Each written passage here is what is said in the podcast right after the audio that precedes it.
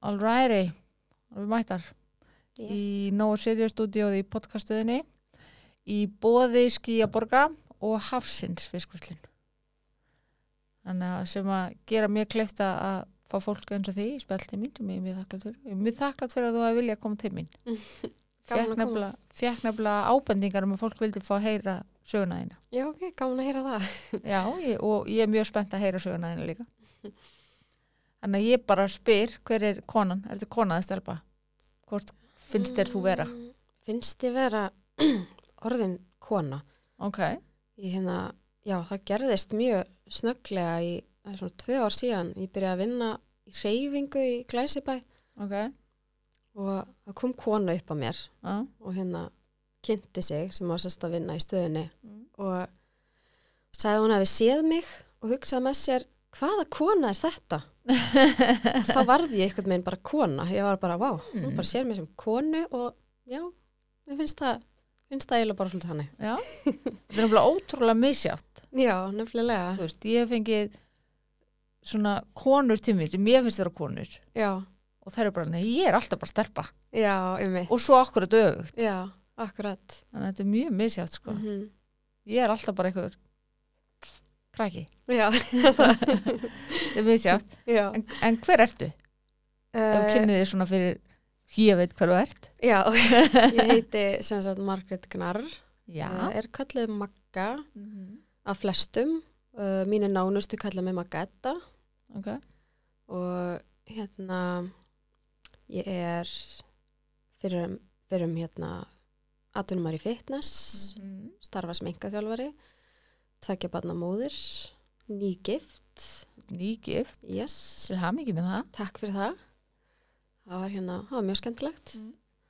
og já, Það er svona þú í stuttum máli. já En það er samt ekkit eðla margir titlar. nei, ó, svo er ég hérna líka taekwondo kona, ég er hérna, æft taekwondo síðan ég var 14 ára, í dag er ég 34 en ég er búin að æfa í 20 ár Mhm. og hérna hef lengi verið í landsliðinu og hérna svo fór ég að keppi fitness og núna er ég aftur komin í taekwondo landsliðið Já, vel gert. takk og hérna já ég bara svona er svona svolítið mikil íþrótt að koma, kona hef alltaf verið það Já. elska að vera að æfa íþróttir og minnst þú rosalega gaman að vera að stefna að einhver svona mótum og, og hérna svona challengea mig og Já. Það eitthvað svona stór markmið. Já, bara líka að minnst það bara svo gaman að Mhm. hérna, já, að keppa og, og líka ferðast. Það var svona held ég að skemmtilegasta við fitnessið að ég fekk tækifæri til að ferðast um allan heiminn Já, og kynnast rosalega mikið af áhugaverðu fólki. ok. En nú eru að því þú tala um fitness, uh, nú eru svona skipta skoðanir á, ef við byrjum bara eins og því, uh, svona skipta skoðanir á fitness. Já, Uh, í þínum huga, er fitness íþrótt? um, sko maður æfir eins og íþróttamaður Já. en já, það er svolítið erfitt að svara þessar spurninga því ymmit, maður æfir eins og íþróttamaður Já. en þetta er líka rosalega mikið list fyrir mér. Það er svolítið svona að tvinna saman íþróttir og list. Mm -hmm. og um, þú veist, maður er að móta líkamann út frá ákveðnum línum og þá þarf maður að æfa á ákveðin hátt Mhm. og oftar en ekki er þetta mjög krefjandi og erfiðar æfingar. Maður er að æfa veist, tvisvar til þrisa sinnum á dag. Og svo sem þegar kemur á mótstegi þá snýst það allt um sviðsframkomu og þú veist, þá er maður búinn að vera íþróttamaður í rektinni og svo kemur að mótinu og þá er maður bara það er rosa mikið performance Mhm. og þannig já, ég lít rosalega mikið á þetta sem íþrótt og, og list þannig að þetta er svo margt sem að blandast einhvern veginn saman Já, ok. Það er nefnilega alveg svona, sumir segja bara já, þetta er íþrótt, Mhm. aðra segja nei, þetta er styrlun. Já, akkurat. Það er einmitt mjög, geta verið mjög skiptar Já. skoðanir á fitnessinu og, og hérna, og ég held líka að sé út af því að fitness hendar ekki öllum Mm og fitness þetta er rosalega kræfjandi Mhm. eins og bara með uh, flestar afreiks íþróttir -hmm. ef þú vilt vera afraugs íþróttamaður þá þarfst að fara í svolítið mikla styrlun það er Mhm. eiginlega bara Mhm. mjög þekkt og ég kynst því líka í taekwondóinu ok, að það bara, það er svo auðvelt að fara í öfga og þú veist, ég hef líka verið, þú veist, ég hef sjálf verið að keppi fitness, ég hef sjálf verið í bara freka góðu jafnbæi og fara eftir plönum og bara upplifa þetta sem svolítið svona bara frekar auðvelt ef ég bara fylgi ákveðnum ramma en svo hef ég líka alveg farið í algjör og styrlun, ok, æfa þrísvar á dag og vera með rosalega miklar kröfur og sjálfa mig og, og sama með taekwondói, þú veist, ég hef, get Ok. farið, hef alveg farið í algjör og styrlun í taekwondo líka eins og með starri þingdaflokkar í, sérst, þetta eru tvær keppnisgreinar í taekwondo, ok, það er sérst bardagi, sparring, það er Mhm. ólimpísk íþrótt. Og svo er það pumse sem er svona form, svolítið eins og kata í karate. Ok, og hérna, ég var rúslega mikið í sparring. Og þá eru þingdaflokkar þannig ég var alltaf eitthvað með að reyna að vera í þingdaflokki sem ég átti eiginlega ekki að vera í.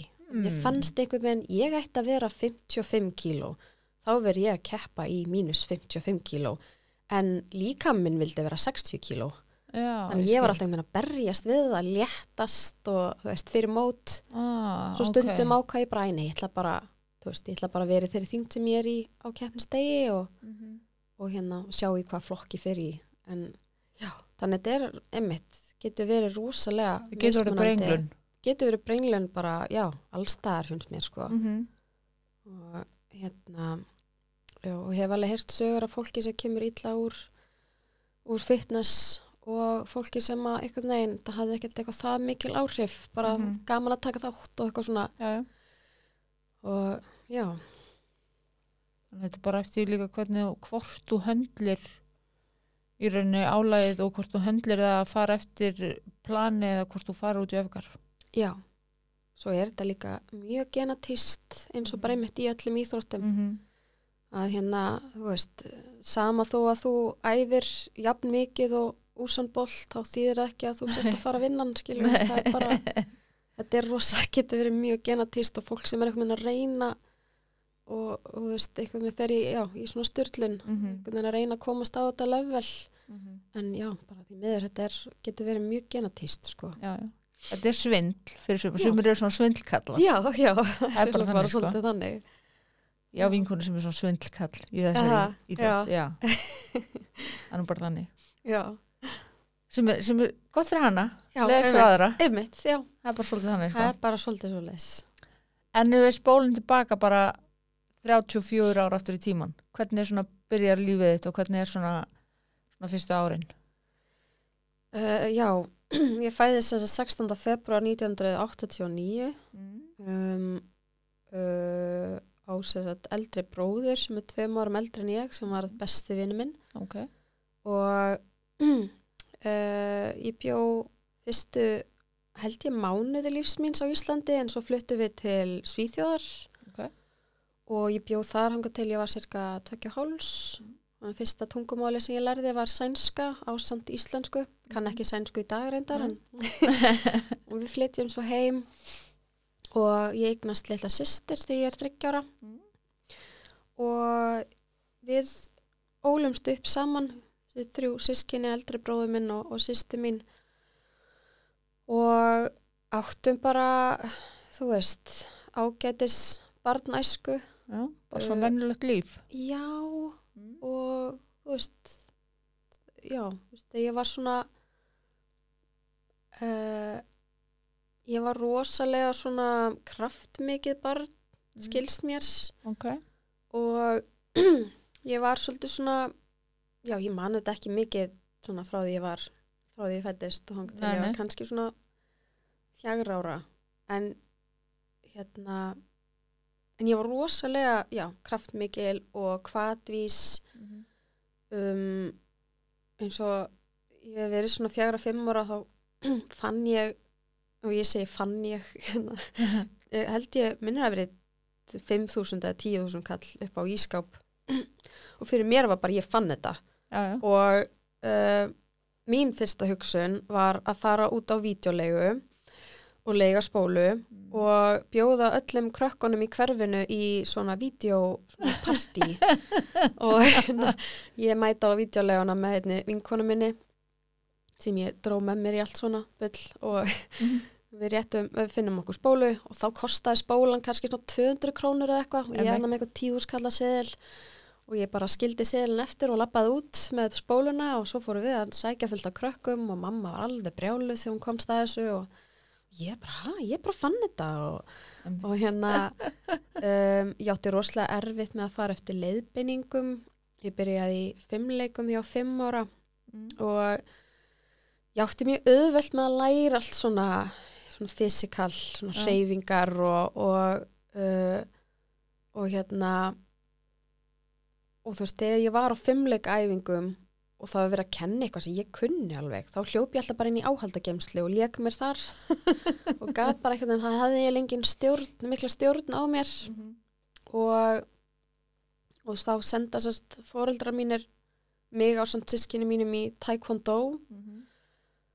það gerði rosalega mikið fyrir mig það er sko taekwondo snýst mikið um aga og það eru reglur og ég alveg bara elskaði reglur og uh, það hjálpaði mér rosalega mikið að svona einhvern megin að líka að sína öðrum meiri virðingu kannski og, og eftir taekwondo í eitthvað eitt ár Ok. og hérna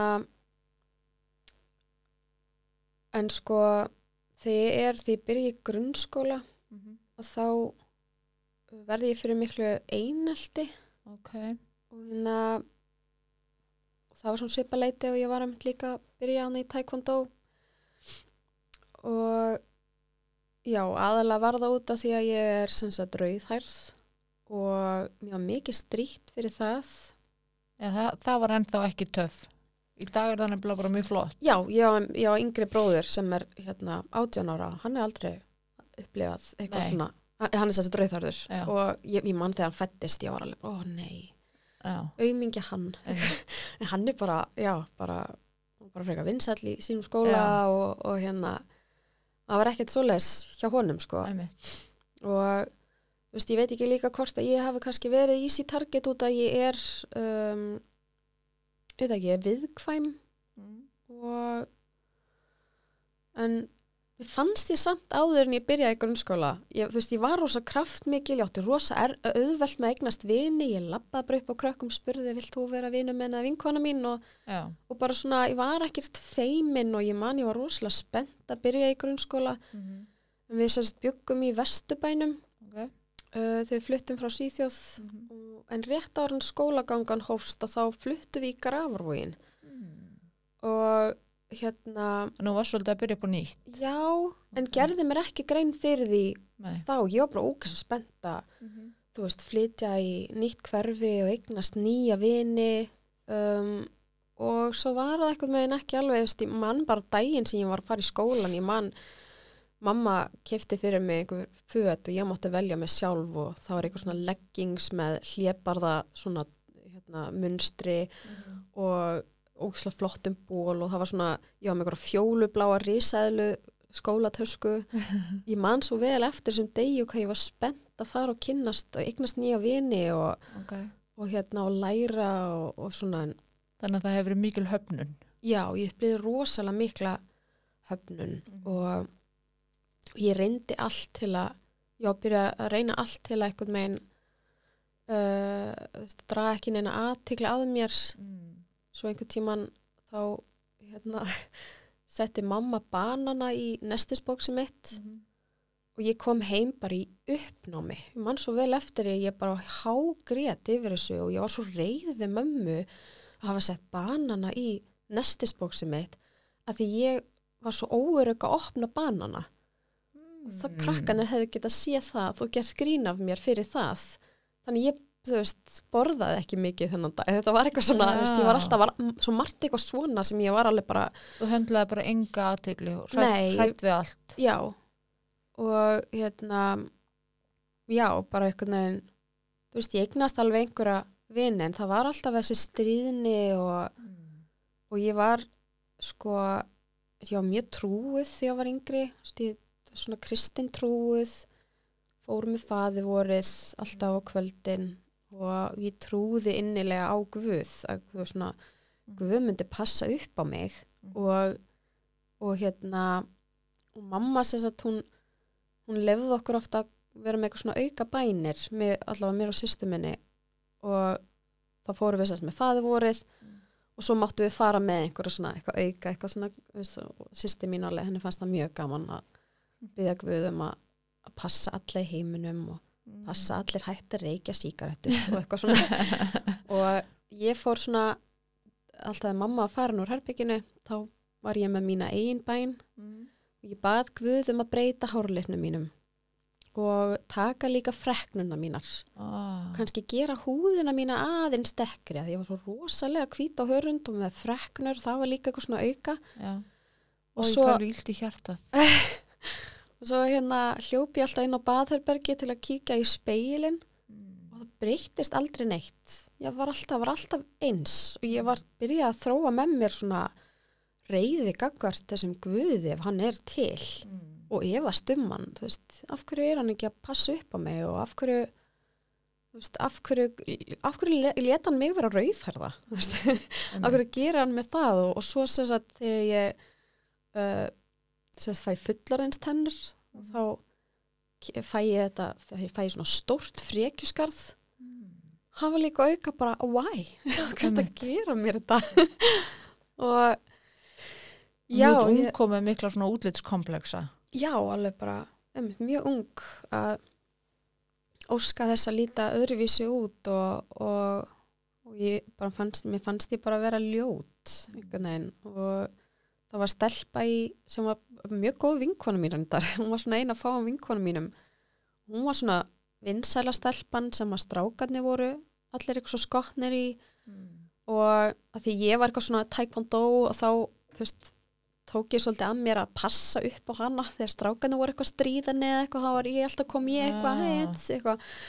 og hérna hún var sæðist ljósærð með blá augu. Og mér langaði svo mikið að vera ljósærð með blá augu og bara af hverju, hverju get ég ekki verið eins og hún?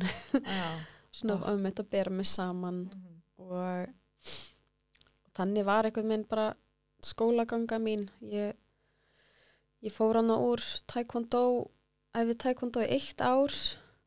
En hérna en ákvað svo að prófa listans og skautum. Mhm. og ég byrjaði listans og skautum hér átt ára. Og þar fekk ég rosalega mikið af hrósum sem að já, mér fannst alveg geggjað. Ég var svona ég átti alltaf mjög auðvilt með að læra eitthvað. Ef þú síndi mér eitthvað svona fysikal reyfingu og þá bara einhvern veginn þú veist, lærði ég það. Já. og líka bara mjög metnaðfull og þú veist, var mjög duglega að æfa mig. En hvernig gekk þér í skóla, þú veist, að læra ásleis? uh, mjög illa. Ok. ég um, sem sagt já, ég átti alltaf og nú kannski svona sérstaklega þegar ég voru aðeins eldri Mm. þegar námsefni byrjaði að vera erfiðara svona kannski svona í fjórðabekk, þriðja fjórðabekk Mhm. þá byrjaði námsefni að vera erfiðara og eins og algebra ég átti rosalega erfitt með hana Mhm. og mér fannst líka svolítið svona eða ég veit ekki, minnir að hafa verið meira svona sjónrænt sjónræn kennsla þegar maður er yngri. En svo færðist alltaf meira og meira og meira yfir eitthvað svona bóklegt Já. og þá uppkvitaði ég bara hvað ég á erfitt með. Þú veist, ég á erfitt með lestur Mhm. og þú veist, ég átti rosalega erfitt með að lesa og skilja það sem ég er að lesa Já. og hérna já, og þannig var eitthvað með skólaganga minn, ég átti rosalega erfitt með að einbeita mér í tíma Mhm. en allt svona, þú veist, myndlist og íþróttatímar og, og svoleiðis, það var ekkert mál, Nei. það fannst mér, það var skemmtilegast og svo var mann líka í, sem sagt, við fluttum sérst aftur í Vesturbæin til ég byrja í fjórðabekk Ok. og fór í Vesturbæðaskóla og hérna og maður, átti að, maður fekk svona stílabók og átti að skrifa sögur í stílabókina Ok. og það fannst mér ótrúlega skemmtilegt. Þá voru kannski krakkanir að skrifa eina sögu á eina blaðsíðu Mhm. og voru með eina stílabók yfir þú veist, nokkra mánuði. Já. En ég bara fyllti stílabækurnar af sögum Mhm. alls konar sögur og mér varst það ótrúlega skemmtilegt bara Um, allt sem þú fegst bara svona að vera creative Já, já, já, Það það, var eitthvað svona sem Já. að ég alveg, en mér fannst ég samt ekki fá mikið að eitthvað svona hrósum fyrir það meira, að meira verið að stíla á allt þetta bóklega og já, hérna, já, vittnisspurð úr sjönda eða sjötta bekk Mhm. í Vesturbæskóla og þá sem sagt skrif allir, allir kennarar uh, gefa manni engun og svona smá umsögn Mhm. hvernig nefandi maður var Mhm. og ég fekk mjög lágar engunir í öllu svona bóklegu Mhm. og hérna aðeins herri í allt svona myndlist og eitthvað Mhm. Og allir kennarannir eiginlega sögðu það sama og Margrét er mjög áhugasum í tímum en á mjög erfitt með að einbeita sér að námsefninu. Ef Margrét myndi einbeita sér aðeins betur þá myndi henni ganga mun betur í náminu Mm. og svo fyndi að horfa á þetta í dag sko. Einmitt. að ég ég hérna já, ég sagt komst svo að því eftir tíunda bekk reyndar Mm. að ég er lesblind Einmitt. Og, og fullurins árum fekk ég líka ADHD greiningu. Að ég var eitthvað 26 ára. Þannig að veist það er svona útskýrir rosalega margt Það, úr það eru ástæður fyrir þessu. Já, en þarna var líka kannski bara ekki alveg nógu mikið svona þekking á þessu að maður var svolítið bara óþekkur já, eða, já, já, já. Það, veist, það snerist ekkit um eitthvað að maður var ekki að einbytta sér nógu, veist, ég var, Mm -mm. En, en svo líka ef maður er einhvern veginn alltaf að fá þessi skilabóð, þú er bara að einbyttaði betur, Mhm. að bara svona einhvern veginn, að ég bara, ég get það ekki, veist, ég get ekki gert það sem þú ert að beða mig um að gera og þá ætla ég bara að, þú veist, Mhm. gefa skíti í þetta, ég, veist, ég get ekki lært þetta og ég er bara einhvern veginn, ég alveg var svo sannfærð um það að ég væri bara heimsk, veist, ég er bara heimsk. Aðrir eru ekki heimskir, það er eru skilabóðin sem hefur að gefa manni. Já, ég er bara einhvern veginn, sama hvað ég reyni. Að þá er ég bara heimsk og ég get ekki lært þetta. Mhm. og já, veist, það var einhvern veginn líka orna á allt, veist, eineltið og svona og ég var mikið skilin út undan í Vesturbæðskóla og ég man samt ekkert mikið eftir að vera eitthvað að gera grín af útlitinu mínu. Og ég man ekki alveg af hverju ég var svona mikið skilin út undan. Ég um, já, bara einhvern veginn það var allan sjönda bekk að sérst, sumarið fyrir sjönda bekk þá ákváðu nokkra stelpur úr bekknum Mhm. að hittast allar saman heima hjá einni stelpu Mhm. og ákváðu að bara basically ákváðu að skilja mig út undan allt skólárið já, og þú veist, ég þekki eina sem að var á þessum fundi Já. og hún er, hefur talað um að hún þú veist, þau alltaf sittið í henni svona a- af hverju þar gerði þetta og já, ég veit ekki af hverju. En það að vera skilin út undan er líka eitt versta form af einelti. Já, veist. já, og það höfnurinn sem kemur þá er líka opbáslega sár. Mm já, það var rosa mikið svona líka það var eitthvað svona leikur sem að krakkarnir fóru oft í, í fríminútum sem allir haldast í hendur í ring og hoppa eitthvað svona í ring og svo eða sleppa höndunum Mm.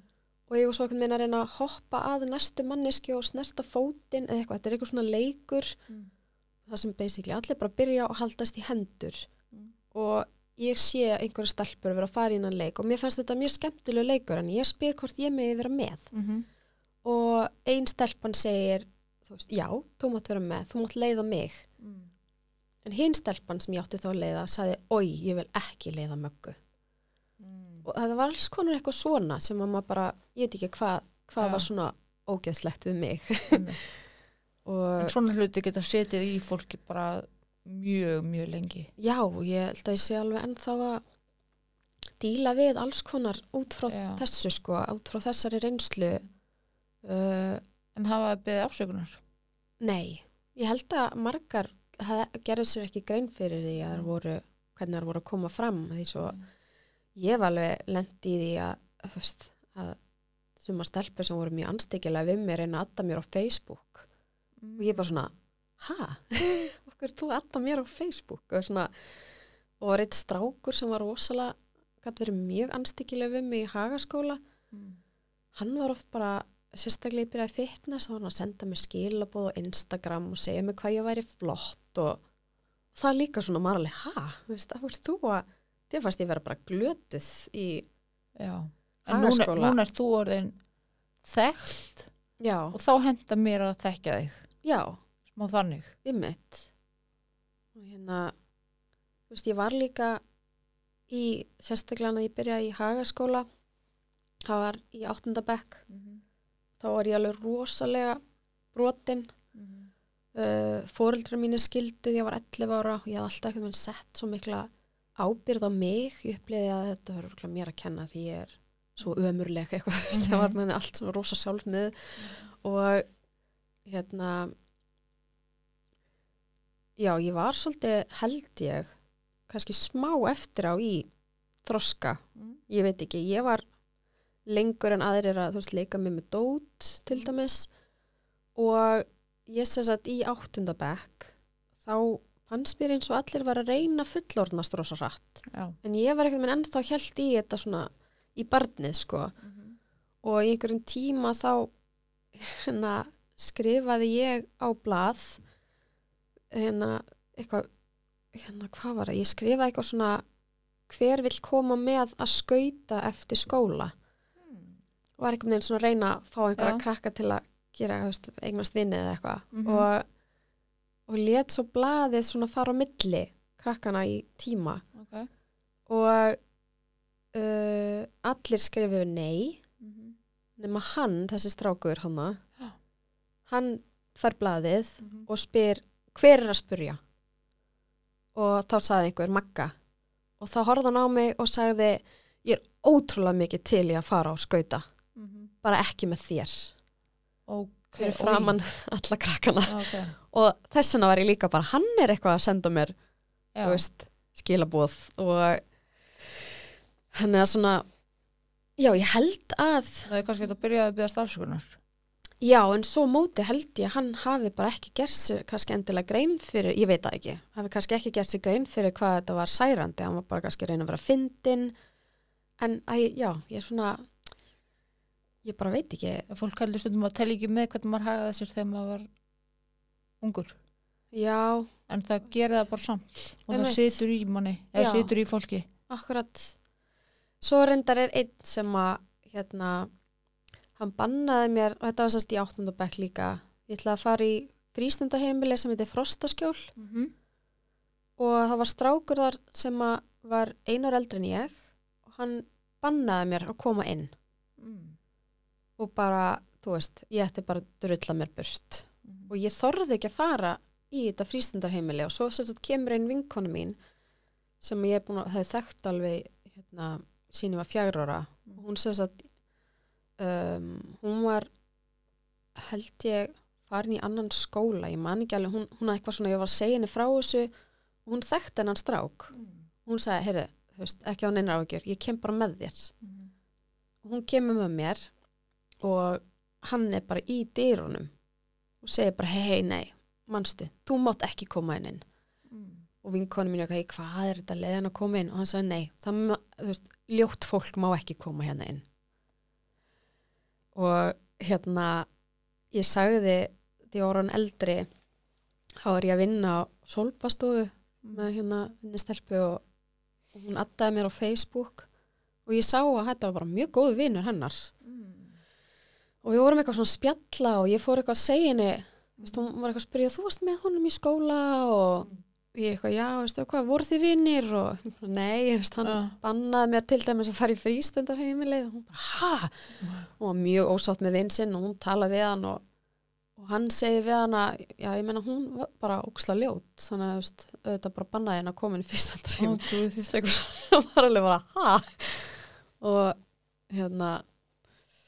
já, þetta er eitthvað svo klikka að tala um þetta og að hérna, Þannig að þetta er svolítið svona upplifinu þín af grunnskóla árunum og úlingsárunum. já, svo var sko í, já, hann í áttundabæk, það var bara alveg frekar umlegt ár, þá átti allir krakkar að fara til skóla hjúkurnafræðingsins Já. í svona hæðamælingu og viktun og það áttu svona, já og ég fór inn með einhverjum þreymur öðrum stelpum og hjúkunarfræðingurinn viktar þær og hæðamælir og allt í góðu og kemur á mér Mhm.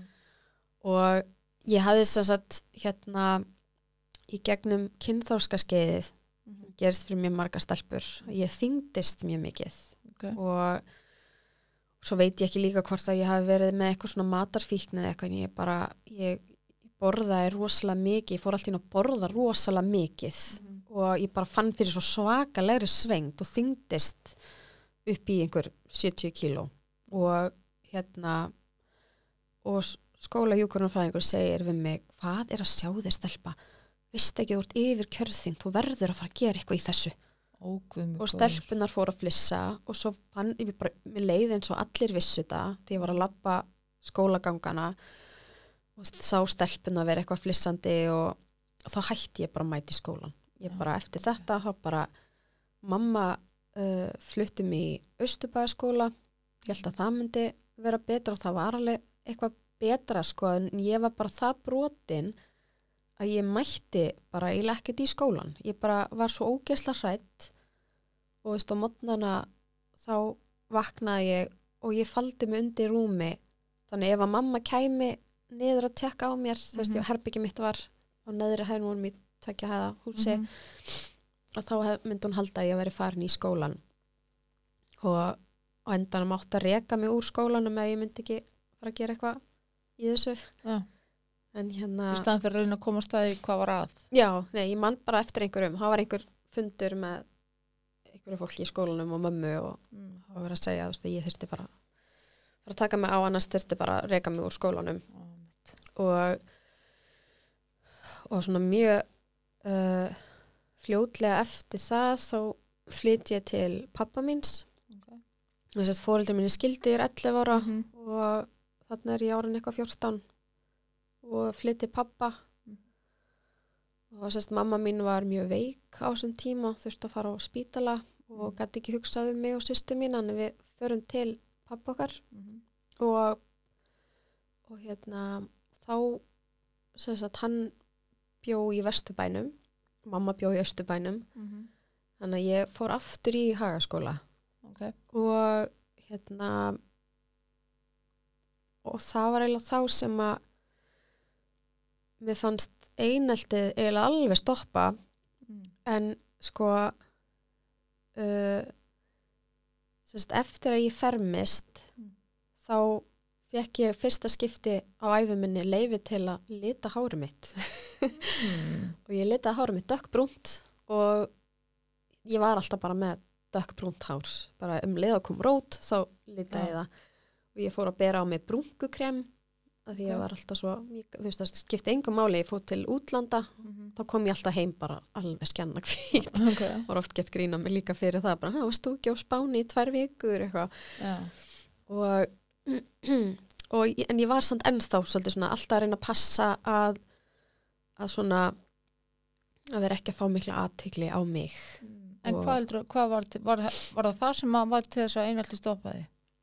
Uh, uh, ég bara ég bara veit það ekki sko. Ég svona kannski var eitthvað já, ég bara veit ekki. Ég líka léttist rosalega mikið hann í nýjönda bekk sko að það var þá sem að ég uppkvitaði taekwondo aftur Ok.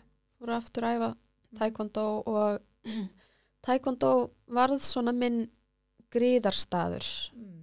og ég sóttist rosa mikið í æfingar og, Ok.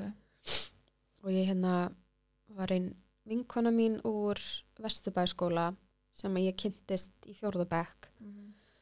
Og við urðum, hún var svona svo eina sem að einhvern veginn, hún var aldrei anstíkileg við mig, hún var alltaf til í að leika eftir skóla og svo flutti hún til Bretlands með mömmu sinni, það var alveg bara hræðilegt fyrir mig. högg, en misti vinkona mína. Já. og svo í nýjönda bekk þá þegar ég er bara svona já, mér líður ógæsli illa. Ég á enga vini, ég er alltaf ein. Mhm. Þá bankar einhver upp á hjá mér og ég opna dyrnar og þar er hún komin Mm. heim frá Breitlandi og bara ég hitti pappa þinn á okkur hátíð og hann Mm. sagði mér hvar þú býrð en hún kom bara Æi. og bara og ég fæ gæsa fekk þetta, hún er bara Oh my god. yndislega og eina af mínum allra bestu vinkonum í dag og hún hérna henni langaði Svo svo ég er alveg með gæs. En Hann- fallegt. já, og henni langaði svo að prófa einhverja barda íþróttir og ég bara já, prófa taekwondo. En ég meina að því að ég sagði taekwondo við hana þá prófa hann allar aðrar barda íþróttir fyrst. Mm -hmm. og hérna svo ákvæðan að ég ætla að prófa. Skal prófa taekwondo. Og hún Ok. prófar það og, og hérna segja mér svo frá því að hún fór á taekwondo æfingu og það hefði verið geggjað. Og spurði hvort ég vildi koma með sér á næsta æfingu. Og ég bara já, ég er, ég til ég en ég var mjög hrætt að því ég var bara alltaf hrætt að fara í aðstæður þar sem ég með kannski með jafnöldrum og bara svona já, bara með varna veggina í kringum mig ef einhver er að fara að gera grína mér eða eitthvað og, og svona.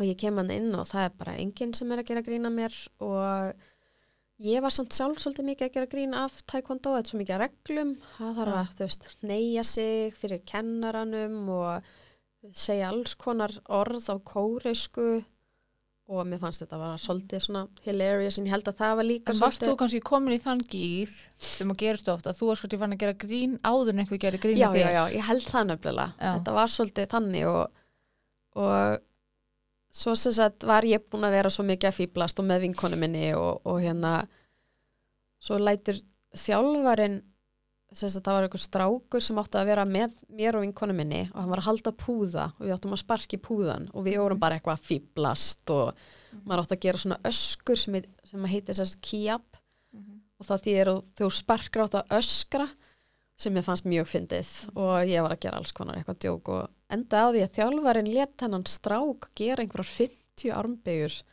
að því við vorum með svo mikið fýblagang Mm. og ég bara, ó, veitu, nei, ég vil ég vil ekki að, veist, að það sé einhvern veginn að vera að refsa öðrum fyrir hvernig ég læt og eftir það Mhm. var ég bara hagaði ég mér og, og ég fór svona að fatta bara hvað þú veist uh, taekwondo snýst rosalega mikið um virðingu Mhm. að allir yðkendur síni hvort öðru virðingu sama hvað beltagráðu þú ert með Mhm.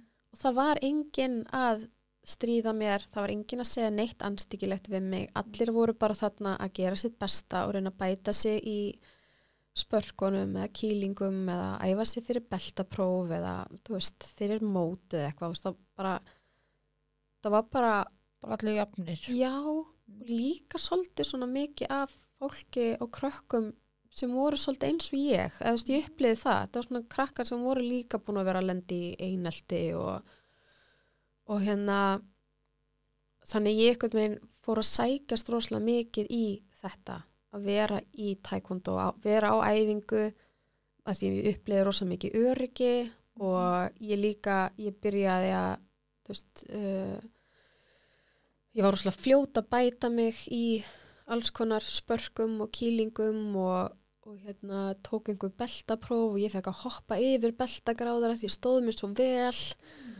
og mér var svo bóðið að keppa á einhverju byggamóti og þá sem sagt að því að ég var að standa með svo rosalega vel og, Okay. og ég eitthvað mér bara ég fór alveg all-in í taekwondo og ég æfði eins mikið og ég gat og var sérst að æfa í ármann á þriðdögum og fimmtudögum Mhm. og ég gat ég var sérst 14 ára þannig ég sko komst upp með það að æfa með byrjendur krakkar og byrjendur fullornis Mhm.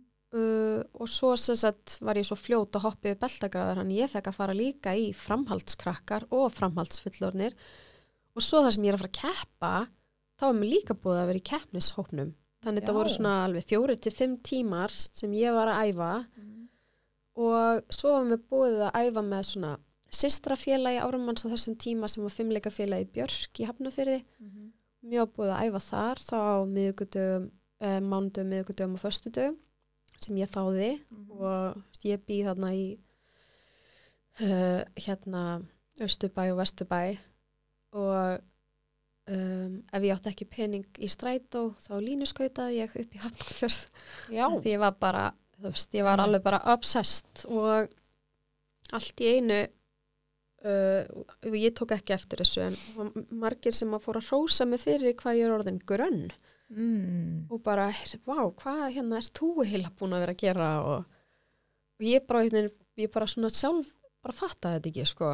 En um leið og fólk fór að taka eftir þá fór ég að sína því líka svona aðtikli og, og bara já, ég er bara hún svolítið grönn og fór að vikta mig og bara, vá, ég er bara léttast alveg helling og, og hérna, þannig þetta er alveg taekwondo er að gera þetta fyrir mig.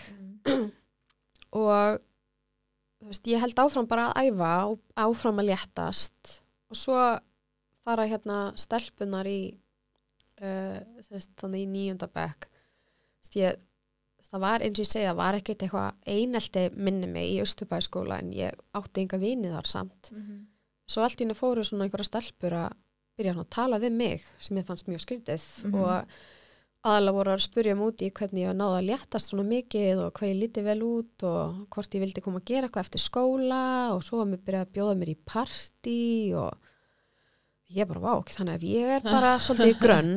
Og hérna, ymmit var þarna líka að byrja, svo byrjaði að lita hárið mitt eftir ég Einmitt. femtist og Þannig ef að ég líti bara rosalega vel út og þá verð ég samþygt og þá er mér bóðið í partí og eitthvað.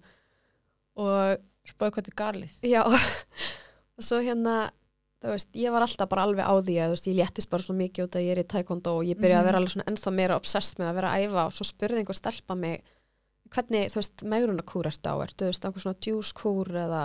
Já. og ég aldrei hafði ekki pælt mikið í því sko. Þú veist, einhvern veginn með mataræðið. Ég þetta bara að æfa það mikið að þú veist, ég er að æfa fimm tíma á dag og á, á þessum fimm tímum þá var bara einhvern veginn adrenalíni það hátt að ég fann ekki fyrir svengd, ég var bara að æfa. Og var svolítið mikið að gleyma að borða. Þannig svo kem ég kannski heim og er algjörlega búin á því og bara að sopna og þannig þá var ég líka veist, fór að setja saman sem merki þar. Að þú veist, ok, ef ég æfi svona eins mikið og ég er að gera og borða lítið, þá léttist ég meira. Og ég fekk eitthvað svona eitthvað algjör þráðuki fyrir að komast í ákveðna buksnastærð sem svona vinsælasta stelpan í skólanum var í Já. þá var mikið talað um, ég, veit, ég held að sé ekki þannig í dag, hjúlingstelpum það var svona díselgalabuxur. Og það var rosa mikið að vera að bera saman buksnastærð Já. eins og þessi stelpa, hún var í buxna, díselgalabuxum nummer 25 eins og var að önnu stelpa sem var í svona vinsalhópnum, hún var í díselgalabuxum nummer 28 og öðrum stelpum fannst það að vera svolítið mikið. Bara já, hún er auðvitað líka bara með mjög feit læri. Það var alveg bara ok, ég vil ekki ekki 28, ég vil vera í 25 og það varð svona mín þráhyggja. Og svo þarna þegar ég byrja í tíundabæk í hagaskóla þá er ég bara einhvern orðin allt önnur manneskja sko, ég bara og krakka sem hefur verið með mér í áttundabæk bara þekktu mig alla og En varstu líka búin að breytast karakterslega séð? Uh, já, kannski líka bara búin að þroskast, þú veist, ég var ekki lengur svona uh, svona næf, þú veist, ég var Já. bara líka fattaði að að þú veist eh, krakkar á þessum aldrei vilja ekki fara á skauta eftir skóla eða eitthvað, þú veist, bara, eh, ég veit ekki, ég er bara ég er líka bara, ég einhvern veginn hætti að reyna að eignast vini held ég líka Ok. og um, ég eignaðist alveg nokkra nokkra vini uh, sem voru svona um, ógeðslega skemmtilegir strákar. Ég var rosa mikið svona strákastelpa ég, átti oft, ef ég átti vini þá voru það strákar. Ok. og þeir voru alveg indislegir og hérna voru svona strákar sem að þeim fannst mjög gaman að lana heitir það, mm Mhm. og hittist þeir og þú veist, fengu bú- bílskúr hjá einum stráknum og kom allir með tölvuna sínar og þá voru tölvunar rosalega stóri kassar og skjáir. Mér varst ógeðslega gaman bara að vera með þeim menn þeir voru að spila tölvuleiki. Ef ég, þú veist, vildi eiga eitthvað félagslíf. Mhm.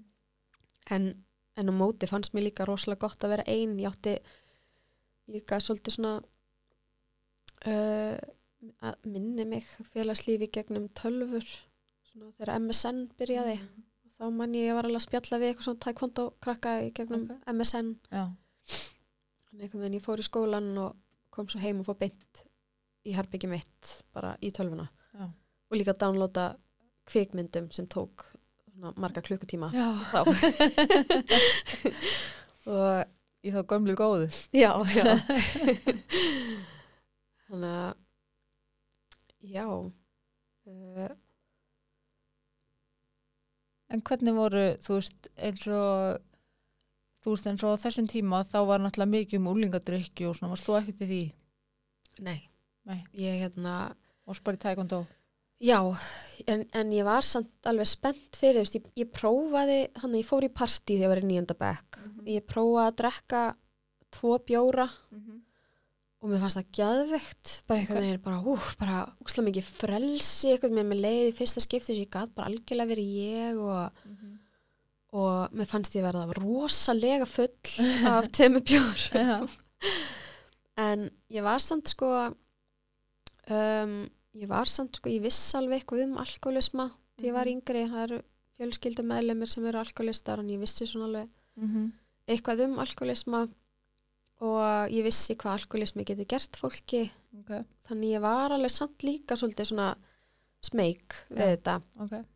ég fór í eitthvað eitt annað partí fekk með tvo bjóra og samu upplifun einhvern veginn Já. og já, en svo bara ég gerði ekkert svona neitt í tíundabæk þá líka sko að ég, ég hérna uh, læriði rosa lítið í áttundabæk og í níundabæk mætti ég bara ekki neitt Þannig í tíunda bekk þá ef mér langaði að komast í mentaskóla þá þyrfti ég að læra eiginlega allt úr áttunda, níunda og tíunda bekk á sama tíma Mhm. til að ná samrændu prófunum. Þannig Já. ég var rosalega mikið bara að sinna náminu Ok.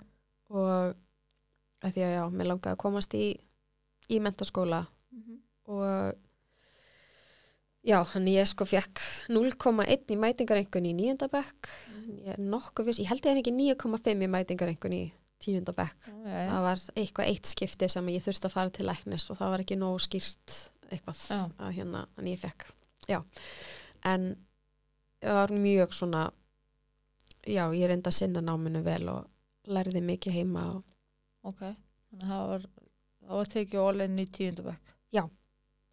Samt einhvern veginn náði ég að falla í flestu. Já, ég náði Bara ennsku einbætt þér ekki nóg. Já, nei, beti mér ekki nóg ég, hérna, ég náði ennsku, ég rétt náði dönsku.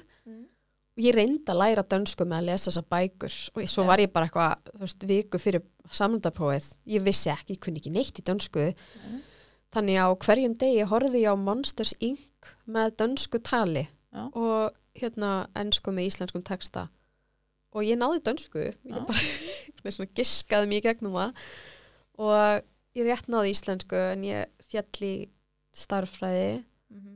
og eðlisfræði og einhverju sem að já, náttúrufræði Já. en ég sko þú veist, í tíundabæk þá var ég ég laði mig alla fram við að læra ég bara, mér langaði svo að já, komast í góða mentaskóla Já. og ég sko en einhvern veginn sama hvað ég lærði mikið, mér fannst ég samt ekki vera veist, ég fór í próf, þú fjall einhvern veginn bara alltaf, sérstaklega í íslensku og starffræði og svona. En svo var einn hérna það var sem sagt uh, Gíslasaga Súrssonar í einum eitthvað einhverju tímabili í íslensku.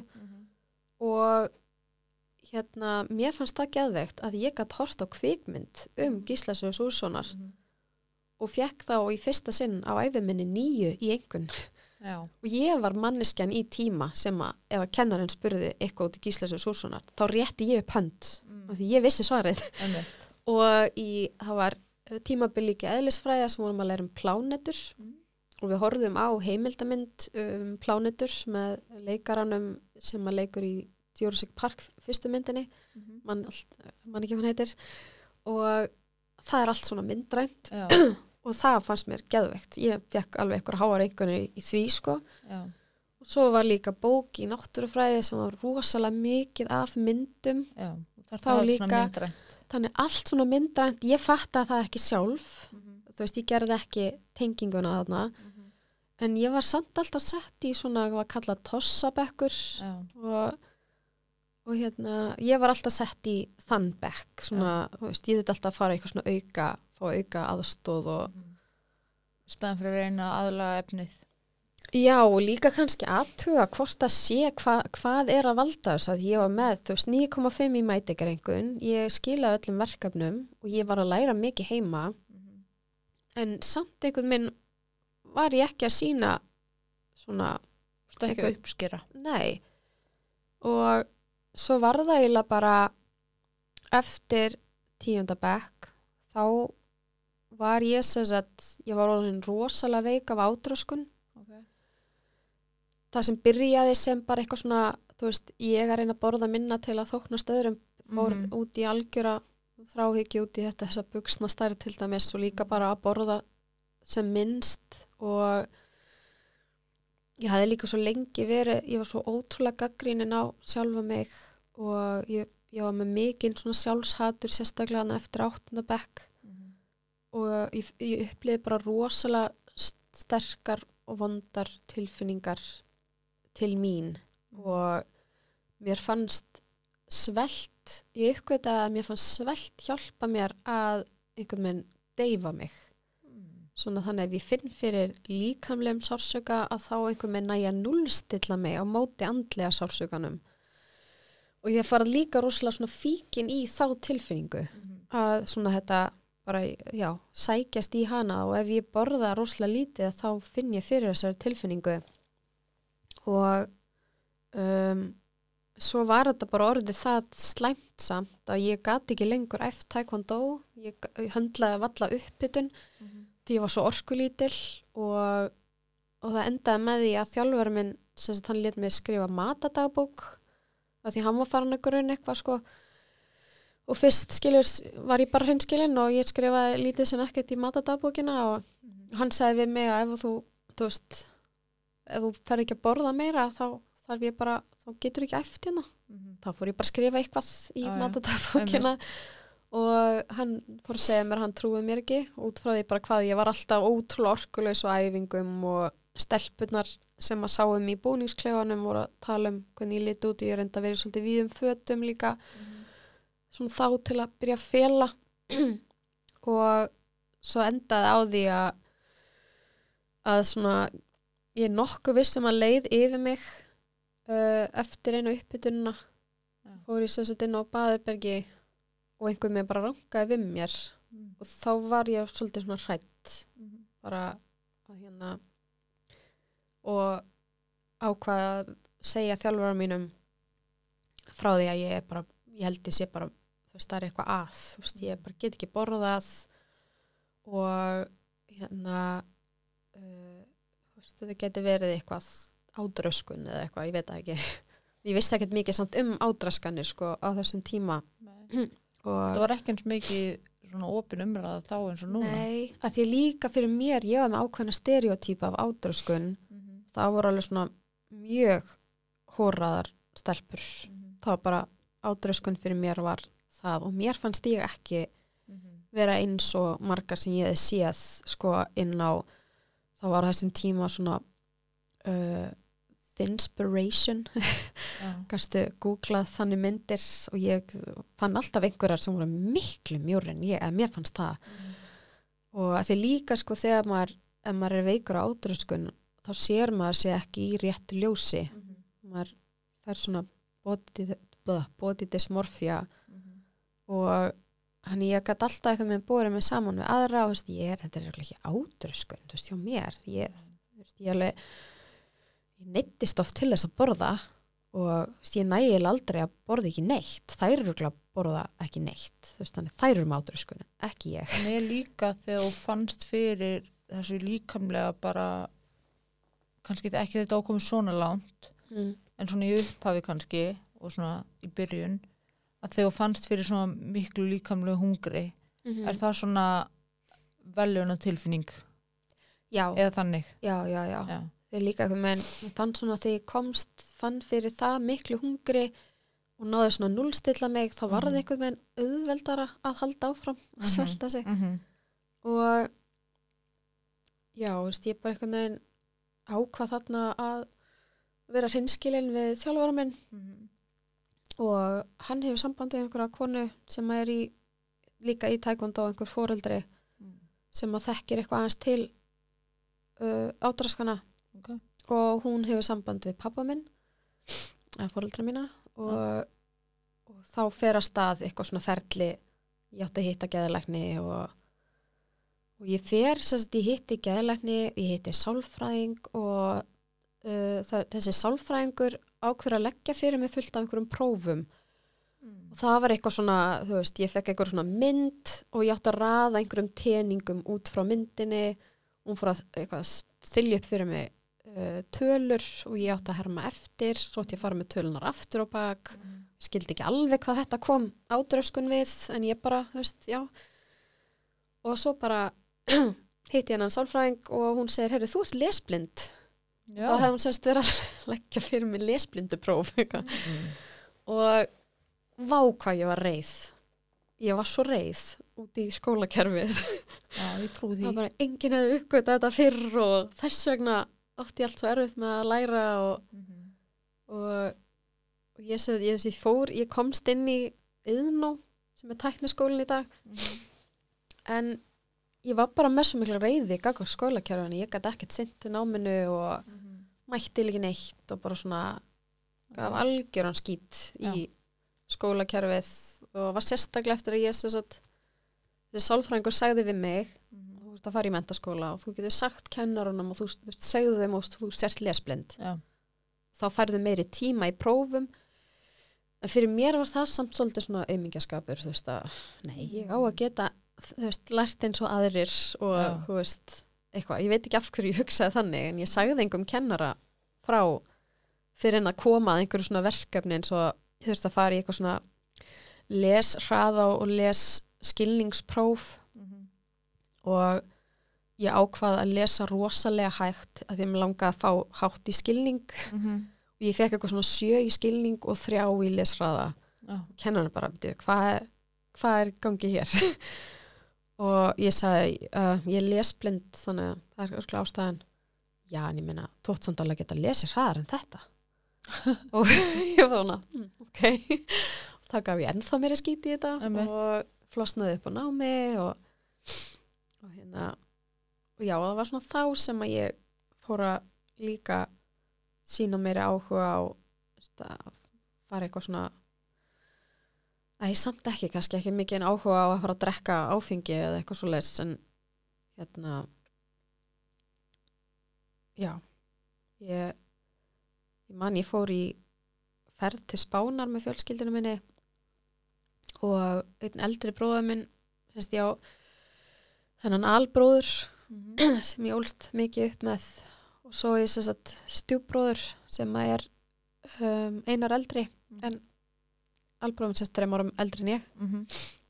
og hann bauð mér með sér á djammið á Spáni Mm. sem ég fannst geðveikt að því Já. þessi bróður minn er bara ótrúlega félagslindur og bara svo ógsla flottur maður og hérna átti fullt af vinum og ég leiti alltaf svo mikið upp til hans bara váka hann á auðvelt með eignast vini og hérna og hann er að bjóða mér með sér á djammið bara, mér fannst þetta geðveikt. Og við förum á okkur bar og hann panta fyrir okkur tvo bjóra og við drekkum þá, þetta var svolítið stóri bjórar. Og svo segir hann, heyrðu, ok, þú kaupir svo næsta ránd við bara, ok, þá lærið ég að það er eitthvað sem þú gerir. Já. og hann er búið með tvo bjóra ég hef alltaf bara drukkið tvo bjóra þessi, Já. þessi, tvö, þessi tvö skipti sem ég drakk Já.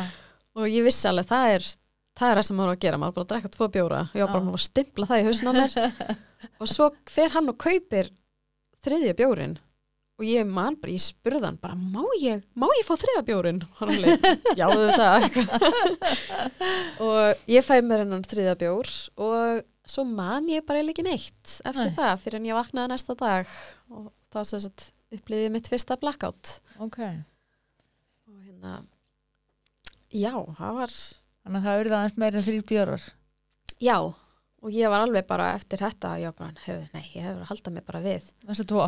þessar tvo bjóra en mér fannst þetta samt ógeðslega gaman þú veist, ég, ég Já. man eitthvað svona brot og brot við fórum eitthvað að dansa á einhverjum stað og, og hérna hittum einhverja íslenska stelpur og, og hérna þú veist, það sem ég man var skemmtilegt sem er mjög lítið sko. Ég, hérna, vaknaði svo næsta dag og mér leiði svo illa svona illa líkamlega Mm. alveg bara svo dundrandi hausverk og óglatt og illt ég sveið í augun og hérna já, mér leið bara rosalega. Bara áður þú að segja frá því. Já, já, já, ég var bara að úða mann eftir ég og bara, oi, mér langar aldrei að líða svona aftur.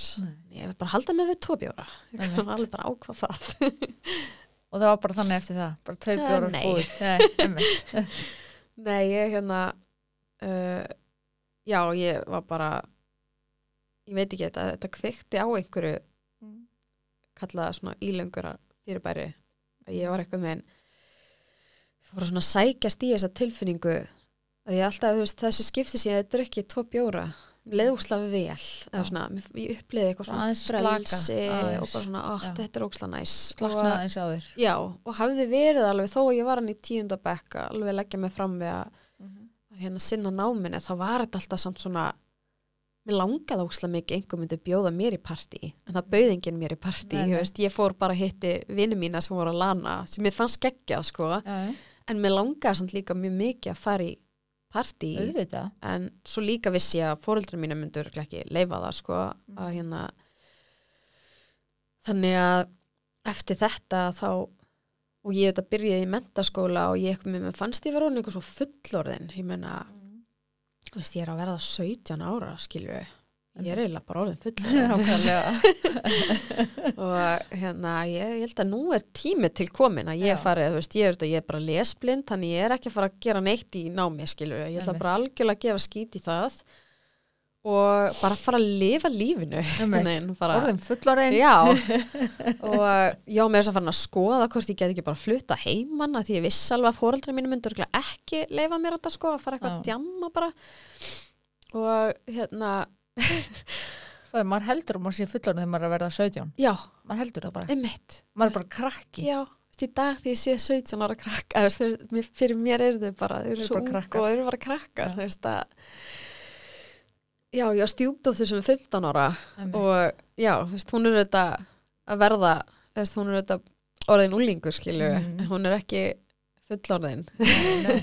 Hún er einhvern veginn fyrir mér, hún er ennþá bara stelpa og, Mhm. og hérna úksla þakklátt og hún er ekki á sama stað og ég var á, hún er Mhm. bara geðvitt metnaði full í skólanum og sækist ekkert í þetta, eftir allavega Mhm. já hérna, en hún hefur það allavega fyrirmynd já, skilur, sem að er mjög jákvætt. Já hún hérna já, bæði ég og pappinar erum sko edru í dag. Og við þekkjum hennan sjúkdóm alkoholisma rosalega vel. Já. og, en þannig var það sko ég, þú veist, ég já, ég drakk í svona 12-15 ár, ég man ekki hversu lengi hvernig þróast þetta? þróast mjög hratt og ég bara fór eiginlega alltaf í blackout það Ok. með endaði alltaf á blackouti sama hvað ég reyndi að hafa einhverja stjórn Mhm. og svona veist, það var tímabil sem að ég held að ég drikki bara svona illa því mér líður svo illa. Já. og hérna ég sem sagt þetta varð alltaf bara verra og verra og verra. Svo er ég líka með þessa átröskun og ég varð bara rosalega veik uh, rosalega fljótt. Svo þegar ég er 21 árs þá fer ég í mína fyrstu meðferð eða reynda nei, ég er eiginlega að ljúga hana ég fór í meðferð þegar ég var þegar ég var 17 ára sendi mamma mig í meðferð. Ok. og minn skilningur var sá að ég þyrsti bara að vera í meðferð og þú veist, ég hefði ekkert val um Já, það. já.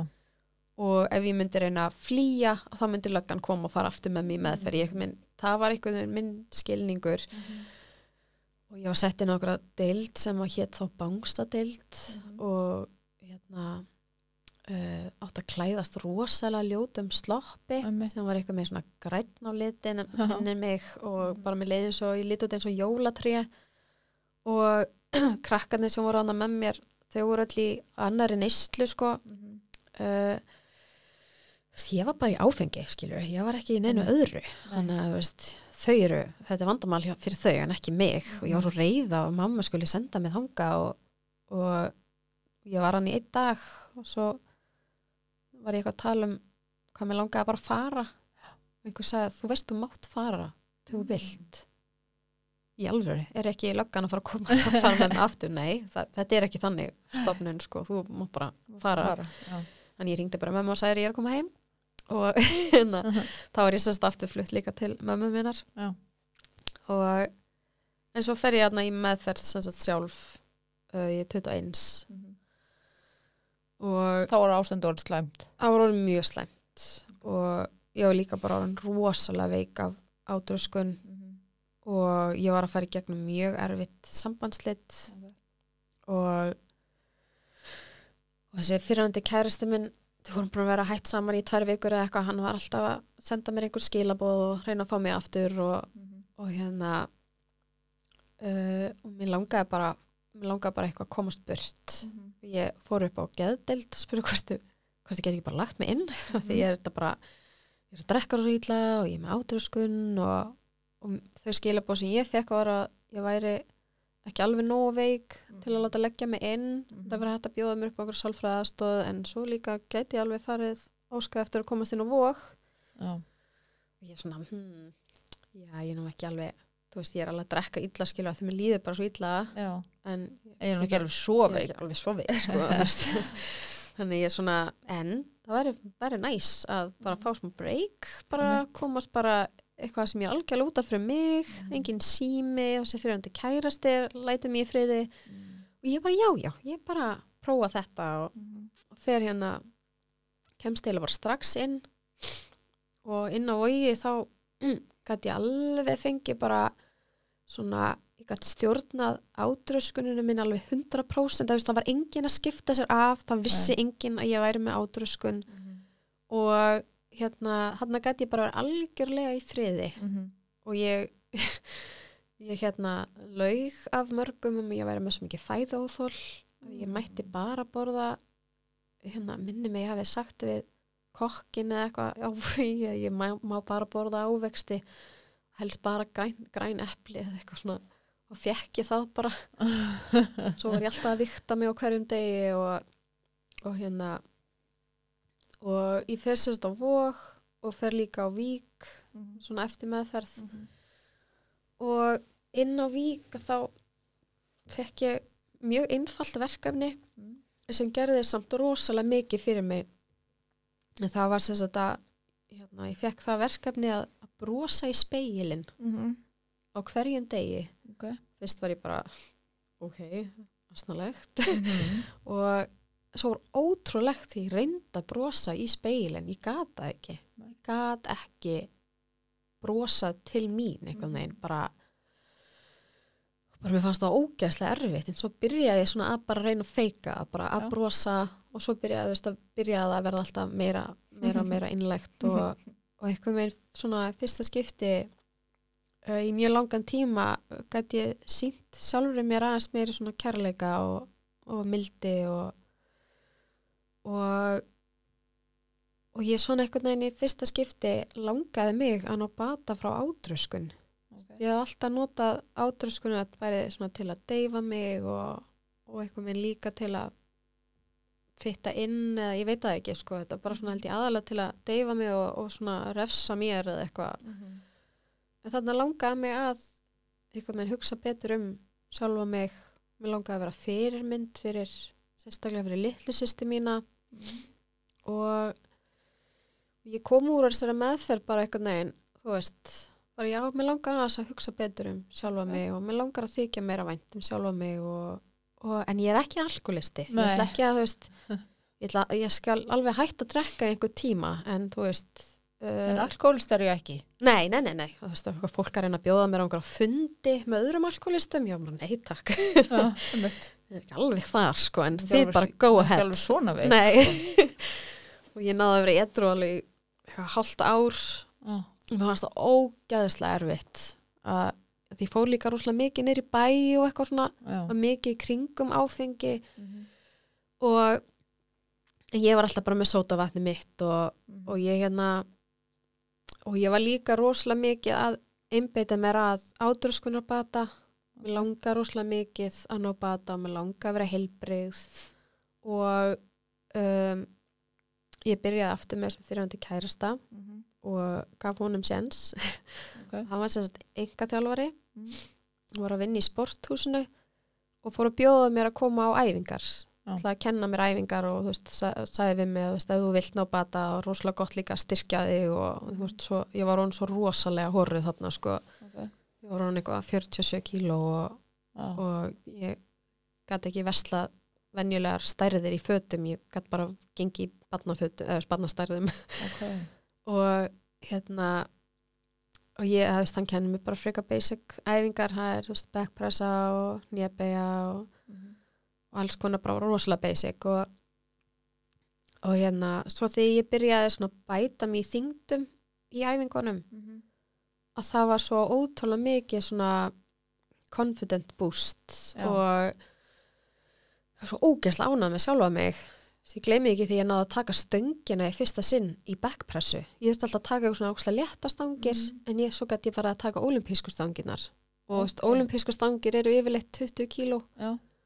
og bara að ná því, það var bara vá, ég bara Já. gaf þetta og svo byrjaði ég að geta sett, veist lóðaplötur á stöngina og náðu svo að taka 30 kíló og svo 40 kíló og bara eitthvað neginn, mér fannst það geðveikt gaman að æfa og bæta mig í, sko eitthvað þetta er mikill munur frá Já. því að hérna bústið sé það að léttast. emitt, já. Og þú veist, ég vissi líka að ef mér langa að bæta mig í, í æfingunum, þá verði ég að borða Mm þannig það var líka svona alveg priority fyrir mig ég verða að borða og ég byrjaði að fá rosalega mikið áhuga á næringafræði, ég fór að lesa rosalega mikið um, um næringafræði, hvað gera kolvetni fyrir mig, hvað gerir prótein fyrir mig, hvað gerir fita, hvað gerir andóksunarefni og vítamin og steinefni og allt þetta og ég byrjaði að taka fæðubótrefni, var ákveðnar aminosýrur sem hjálpa manni líka til að recovera eftir æfingar og byggja vöðmassa, en ég var að taka inn glútamin og kreatín og ég bara fór ólinn í þetta og svo í daginn þá er ég í rektinni og ég sé nokkra stelpur uh, í bikini og háum hælum uh, og í ótrúlega flottu formi, bara ekkert smá flottar og svona þú veist, ég, hafði alveg vita hvað fitness er og aldrei hugsa mér að keppa í fitness en mér fannst þær ekki vera, þær voru ekki með svona fitness look Mhm. og þannig ég fór að spurja hvað eru þessar stelpur að gera Já. Og þá voru að segja mér að þær eru að keppa í nýjum flokki Mhm. sem heitir eh, model fitness Ok. og þær eru að fara að keppa á móti á spáni eftir einhverja tvær vikur Mm. og eru að æfa pósuna sínar og ég bara, vá, þú veist, mér langar að Mhm. líta svona út að ég hef alltaf verið mikið í íþróttum, ég hef alltaf átt auðvöld með svona byggja vöðamassa og, og mér fannst þær líta svolítið út eins og ég get svona verið náttúrulega og hann er ég fer að spyrja einhverja þjálfara hvort þið geti hjálpa mér að langar að keppa á móti veist. þessi kæristi minn, hann var ekki með neina reynslu af þessu, Mhm. þannig að hann sagði að ég ætti bara að tala um einhverja aðra þjálfara Já.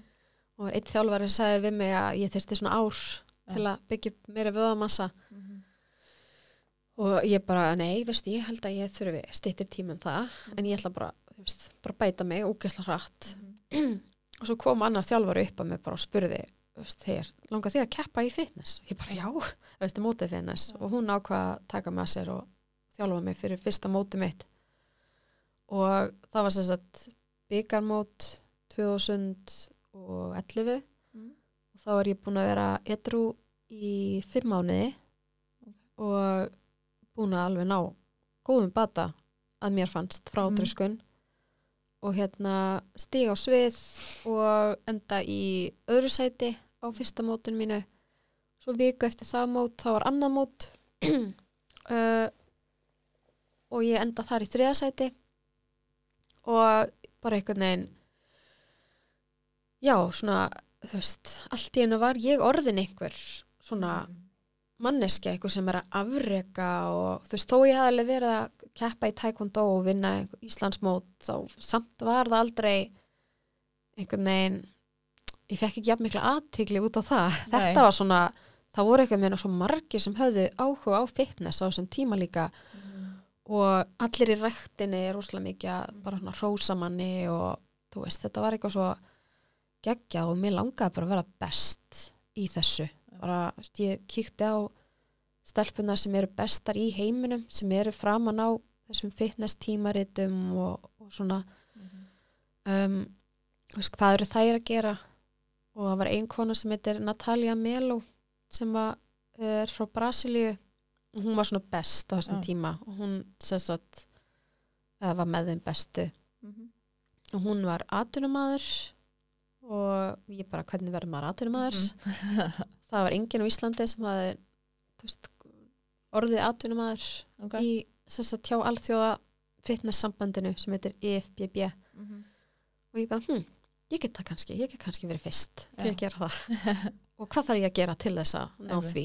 Og það er bara ok, þú verður að keppa á alþjóðlegu móti og standaði vel þar, Mhm. byrja á því. Þannig að ég fyrir að keppi á móti sem heitir Arnold Classic sem er á hverju ári í Columbus, Ohio. Mhm. það er að keppa í áhugamannaflokkum og líka próflokkum eða svona atvinnumannaflokkum. Mm. og ég ákveða að keppa á þessu móti. Þetta er rosalega stórt mót bæði fyrir atvinnumenn og áhugamenn og þetta er bara svona festival yfir eina helgi. Mm. og ég er að keppa í það heitir Bikini Fitness. Mhm. í, þú veist, það heitir Bikini Fitness í öllum öðrum löndum nema Íslandi. Ísland er eina landi sem kallar þetta Model Fitness. Ok. Þannig að það var mjög margir sem voru svolítið fannst svolítið ruglingslegt á tímabili. Ok. En já, ég er að keppa á móti einhverjum þú veist, 50 stelpum og enda í fjórðasæti sem Ó, bara það er mikið. Eða, veist, það er vel gert. Það var bara alveg geggja þannig ég vissi svona ok, þú veist, ég endaði í fjórðasæti en kannski er, þú veist, ég byrja að hafa meiri trú á mér. Mhm. og ég hérna, mér langaði að keppa á heimsmeistaramóti af því að ég vissi að ef að ég keppa á, ef ég næ háusæti á heimsmeistaramóti Mhm. að þá get ég sapnað stigum. Ok. Og ef að maður er með viss mikið af stigum þá getur IFBB á Íslandi sótt um fyrir mig svona próskýrtinni ok þannig ég var búin að sjá fyrir mér, já ok, ég ætla að keppa á hérna, heimsmeistaramótinu svo get ég keppt á Arnold Classic í Evrópu, þá getur líka fengið skils mér stig fyrir það og bara einhvern veginn sapna stigum Mm. og út mjög svona markmiða miðuð já, ég sá alveg sko uh, enda markmiði var að fá að keppa á stærsta fitnessmóti í heiminum mm. sem heitir Mr. Olympia ok og þú veist, til þess að komast á Mr. Olympia þá verði ég að verða atvinnumæður fyrst Mhm. svo þarf ég að sigra atvinnumót Mm. og þá er ég qualified á Olympia og ég sem sagt keppi á og til þess að fá að keppa á heimsmeistarmóti þá verði ég helst að sigra Íslandsmót og ég keppi Íslandsmótinu 2012 Mhm. nokkrum vikum eftir Arnold Classic og enda í öðru sæti sem var mikil skellur og ég var mjög ósátt með það þegar mér langaði svo að fara á þetta heimsmeistaramót en, en stelpan sem vann mig hún ákvaða að sækja ekki um að fara á heimsmeistaramótið Mm. þannig ég fekk að fara og, og það var einmitt þarna sko uh, uh, ég sé að tver til bandaríkjana og tek svartabelti mitt í taekwondo og og ég var sérst því á milli Já, ég Já. nefnilega að því ég átti sérst að taka eitthvað smá svona break og það var sko svo langt í heimsmeistaramóti að ég er bara, ég verða að vera, að vera að gera eitthvað Einmitt. og hérna fyrir hann til bandaríkjana og veist, þannig er ég búin að vera að æfa og lifta lóðum í svona eitt ár Mhm. og bara ég, alltaf þegar ég var að lifta lóðum eða þú veist, bara æfa Mhm. þá var ég bara að reyna að lifta eins þungt og ég gatt það var alltaf markmið, var alltaf að bæta sig í þingdum og það líka gaf mér svo mikið og ég hérna þegar ég var að undirbúa mig fyrir mót ég fór aldrei eftir mataplani ég fór svona semi eftir mataplaninu. Ok. En ég var aldrei að vikta ofan í mig. Það var alveg stóð í mataplaninu að vikta ofan í en ég bara vildi ekki gera það að því ég var svo hrætt við ádörskununa mína. Ok. Og ég er í svo góðum bata en ég get ekki vera að þú veist, fara eitthvað vikt onni mig, það geti bara þú veist, fara út í eitthvað bull. Já. og ég fer sérst til bandaríkjana tek svartabeltprófa mitt svo kem ég heim og fer þá undirbúa mig fyrir uh, þetta heimsmeistanamót og þú veist, ég er bara að gera það sama og ég hef alltaf gert. Þú veist, ég bara, já, lifta þungt. Ég var ekki að Mhm. gera neina veginn bara, það var bara svo náttúrulegt. Ég bara komst í svona fitnessform einhvern veginn. Já. svo mæti ég á svona mót. svindkall Já, svo, svo mæti ég átt að mót. Þar haldi ég í Pólandi og í hæðamælingunni deginum áður og þá sé ég bara að ég er miklu stærri en hérna stelpunar sem eru að keppa á móti mér. Mér fannst það allar vera svo litlar með við mig. Þá var ég bara orðin svo ótrúlega mössuð að hérna, ég var að lifta alltaf svo þungt. Já, og var aðeins komin yfir standardin í ok. þessum flokki. Og það var mjög mikið sjokk að bara einhvern veginn, vá, ég er að keppa í fyrsta skipti og ég er ekki í svona, þú veist uh, hvað myndi maður segja svona sigur, sigur formi Mm. þannig ég vissi annarkvort er ég að fara, þú veist, rúst þessu móti eða verið í síðasta sæti Mhm. og ég, þú veist, ég veit ekki, ég komst ekki í topp 25 minni með að verið eða topp 20 og ég verður verið í svona síðustu sætunum Já. og Og bara ofmössuð. Já, ég var ofmössuð, ég var reyndar heldur ekki nóg hérna uh, kallast köttuð eða svona Já, skorinn. skorin þó að ég var sko í svipari fytuprósendu og ég hefði verið áður. Þarna var ég bara orðin, já, ég var bara orðin ofmössuð og, og hérna og þarna voru nokkrar vikur í uh, byggamót og ég bara fyrsta skipti byrjaði að gera brennslæfingar og ég fór líka að fara aðeins betur eftir mataprógramunum þú veist að reyna að, veist, ég var ekki að vikt voni mig en ég var samt að borða þá bara mjög lítið Já. og uh, uh, uh, ég næja kvættast mjög mikið fyrir það mót en ég er ennþá samt mjög mössuð, er eða ofmössuð en ég, ég sigra þetta mót og ég ákveð eftir það að hérna var að dómari á mótinu sem sagði við mig ég er það ná vöðvamassanum niður Ok.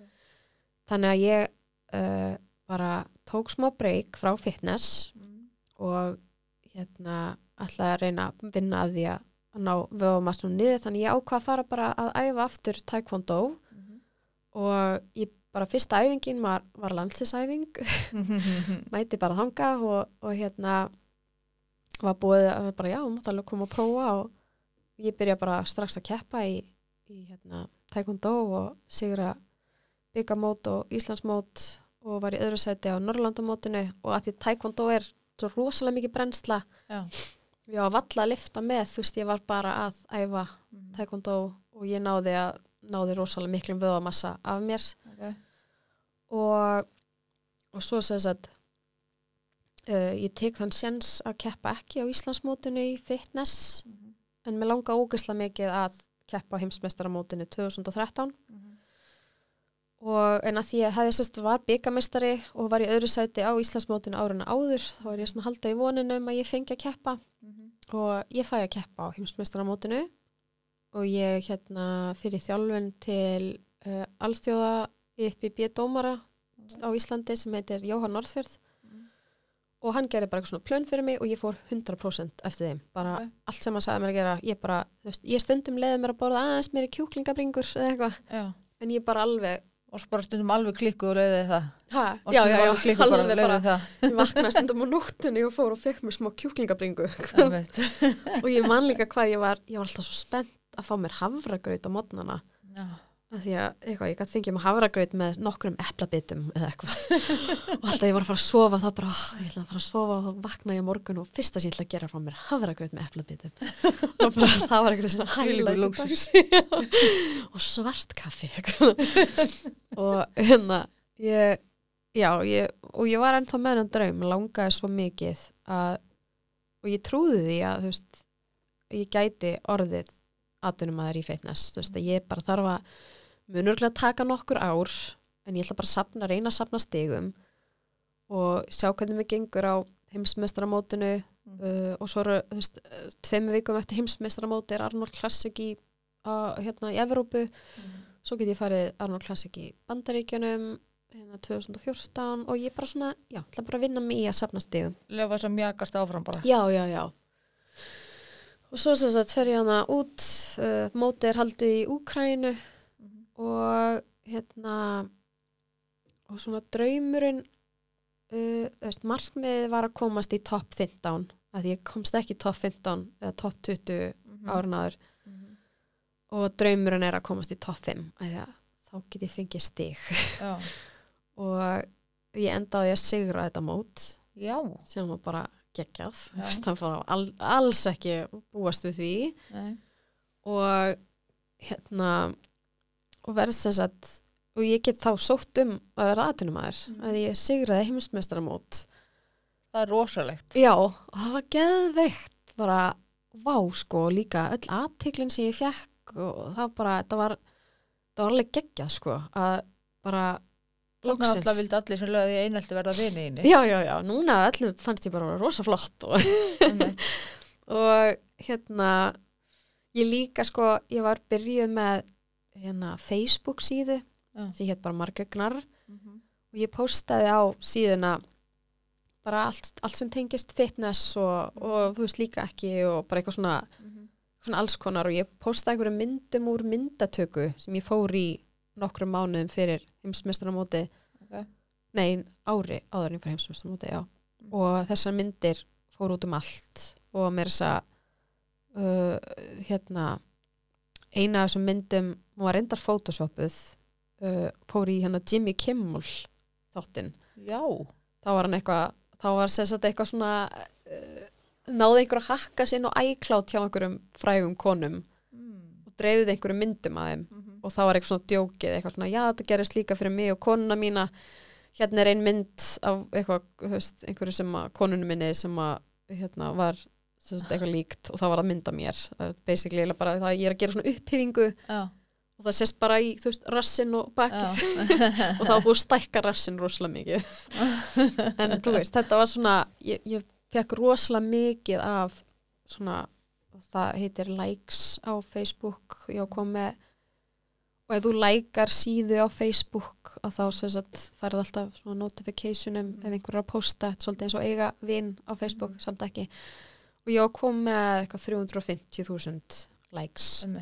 Og, og í dag væri það fylgjendur sko. Já.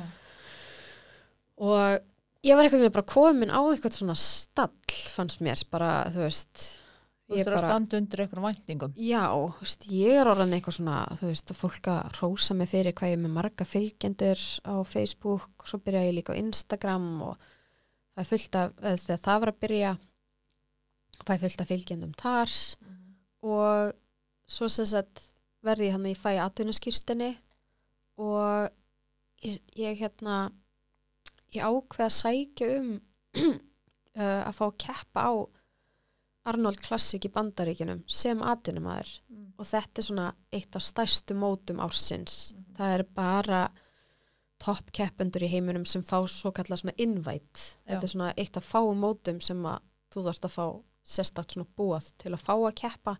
Ok. og þú veist, ég meina ég er íslensk, þá er aldrei íslendingu keppt á, eða fengi búað þannig kannski getur það verið eitthvað svona hjálpa mér að fá þetta invite af því þeir vilja hafa þetta svona international, þeir bjóða alltaf keppendum frá Evrópu, þetta er rosa mikið keppendur frá uh, Norður-Ameríku og Suður-Ameríku. Ok.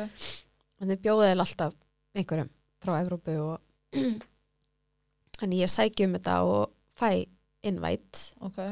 Þannig fyrsta atvinnumóti mitt er eitt af sterkustu atvinnumótum í heiminum. Og Mhm. þar er Natalia Melo er að fara að keppa við hana.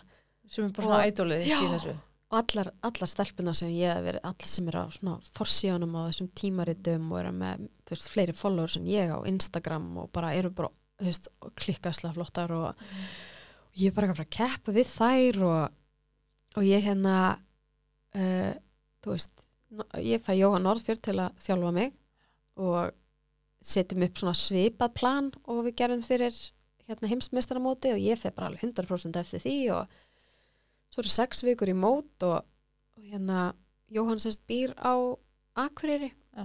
og hann komst ekkert að mæla mig fyrir en þannig sex vikur í mót Já. og ég hitt hann og hann mæli mig og ég er ekkert búin að lækka í 40% á sex vikum Mm. Ég sérst teka alltaf 12 vikna niðurskurð. Mhm. og hérna og þetta var svo mikið sjokk. Að bara, veist, ég er að fara að keppa á móti bestu keppundum í heiminum. Veist, bara fyrirmyndirna mínar og ég ætla ekki að vera að fara þarna og vera bara eitthvað svona laughing stock, þú veist, ég ætla bara þú veist, hvað þarf ég að gera til að, þú veist, hvað, hvað getum við gert? Og hann hérna setti auka brennslu í prógram mitt en þarna byrjaði eitthvað, eitthvað styrlun hjá mér Mm. sko. ég, ég svona, þú veist, hann alltaf að láta mig gera eitthvað 20 mína brennslu eða eitthvað mannana ég ætla að taka aðeins meira en það. Já. ég ætla bara, þú veist, ég ætla og, þú veist, setja upp eitthvað mataplan fyrir mig. Ég ætla bara aðeins minna en það sem hann er að segja mér að gera. Og þú veist, ég kemst alveg í þetta keppnisform en ég var hægt eitthvað með að njóta þess að vera að undirbúa mig fyrir mót. Já. það varð allt í hennu svo erfitt. Og ég held að þarna hafi líka minn bara verið byrjar aðeins að mótumæla Já. að hérna, þú veist, ég er búin að vera eiginlega bara í niðurskurði og rosalega lengi. Og þú veist, niðurskurðurinn fyrir heimsmeistaramóti var alveg krefjandi en samt ekki það svona. Og Og stelur að njóta þess þá. já, mér fannst það ókesslega gaman. Þú veist, ég var bara, einhvern veginn já, mér fannst svona vera frekar easy og ég gæti líka vera að sinna vinnu og svo þarna var ég bara engin orka og mér leið bara ekki vel. Ég var farin að finna fyrir rosa mikið svona, svona þrá í uh, óhallan mat Mm. og og hérna ég byrjaði aftur að upplifa svolítið þessa svelt tilfinningu sko og og, og ekki meina berjast við þessi, þetta- þessi svona cravings í eitthvað óholt, þú veist, ég, átt, ég mátti alltaf fá nammita á lögadögum en ég gæti ekki leift mér það. Nei. og ef ég leiði mér það þá reyndi ég að losa mig við það sem allra fyrst. Já. og fór að þróa með mér þá svona búlimíu. Mhm. og ég hérna keppa á þessu móti og það er bara óksla gaman, þú veist, ég er eitthvað í nýjönda sæti og ég er bara óksla ána með það. Bara, þú veist, bara það að vera þarna var alveg sigur fyrir sig og, og hérna og já, er ég að tala um mikið um fitness eða? Nei, nei, nei, ég get tala, ég get tala endalust sko en En það er líka bara stór partur á lífinni. já, En hvað hérna, fannst þér þú þarna að fara að þróa aftur með þér ádröskun? já Þú veist, þarna mistur stjórnina. Já, hann misti ég algjörlega stjórnina og mér var búið að keppa í Slovakíu á móti sem heitir Mossolani Classic og ég var eitthvað með svona þú veist, ég uppleiði eins og ég væri sigurstranglegust og veist, þeir sem voru að halda mótið alveg bara trítuðu mig bara eins og einhverja drottningu og þú veist, það var eitthvað með bara allt borgað fyrir eða þú veist, flug og hótel og um, en þú veist, þannig var ég bara, ég var komin í algjöra styrlun, ég leiði mér ekki að borða neitt, þú veist, ég var alveg bara farin að svelta mig aftur og líka bara eitthvað minn, mér fannst eins og ég fór í eitthvað viðtal hana eftir Arnold Classic og mér var sagt að ég væri best í Evrópu og, og ert ekki fara að keppa svo hana í Slovakíu og bara vá, ég hlakka til að sjá þig og komandi pressa. Já, svo keppi ég hana í Slovakíu og enda í, hvað var í fjóruðarsæti og mér fannst það bara hræðilegt. Það var bara vá, ég er bara búin að bregðast öllum og fullt af fólki sem held að ég var að fara að sigur þetta og svo bara er ég fjóruðarsæti. En hvernig, hérna, hvernig þróast eins og í framhald af fitnessunniðinu? Mm.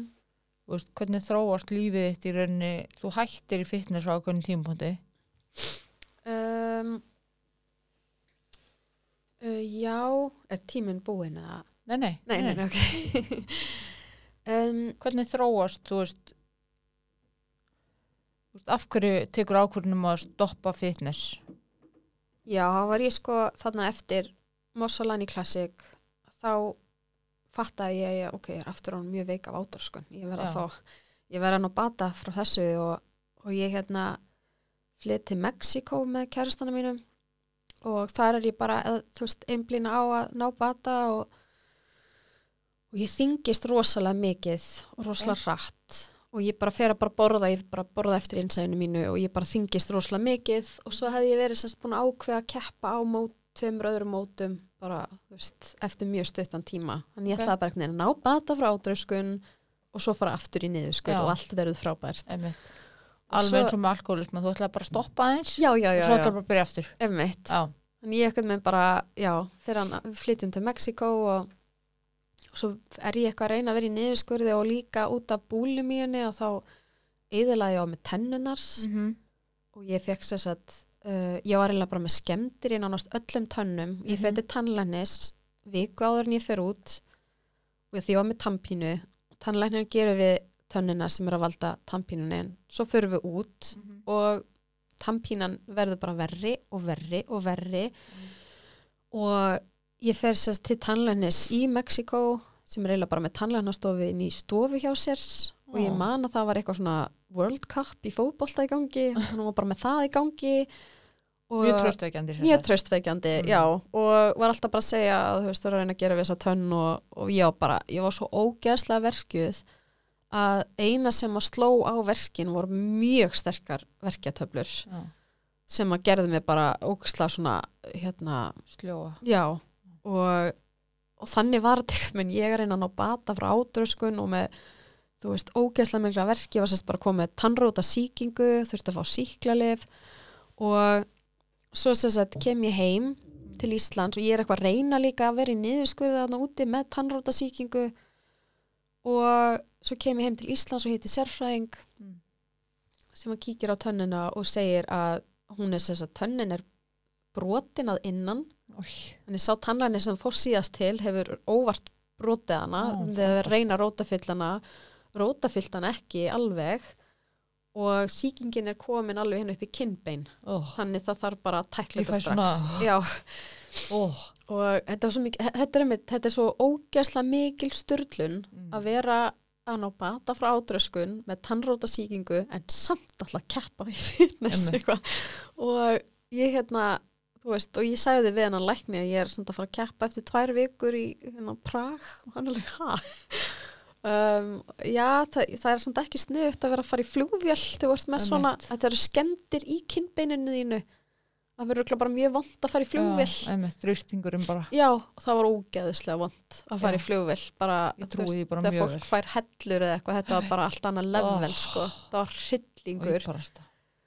Og veist, ég náði ekkert að skera nógu vel niður og ég bara veist, já, var alls ekki í mínu besta formi og ég var ekkert minn alltaf að sækjast í að komast aftur á annan stað sem ég var á veist, ég hlýta ná því Ég var að fara að segja það. Já. bara ekki alltaf að eldast við það? Jú, og hérna og svo eftir þessi mót og þá eitthvað mér bara að ég bara eitthvað veginn held áfram og, og ég tek eitthvað smá breyk þarna samt eftir þessi mót uh, til að ná bata því sérstaklega ég, læknin eiginlega bara bannaði mér svo að fljúa því ég útskýri fyrir honum hvað það var vond Mm. og hann bara, helst bara ekki fljúa í svona ár.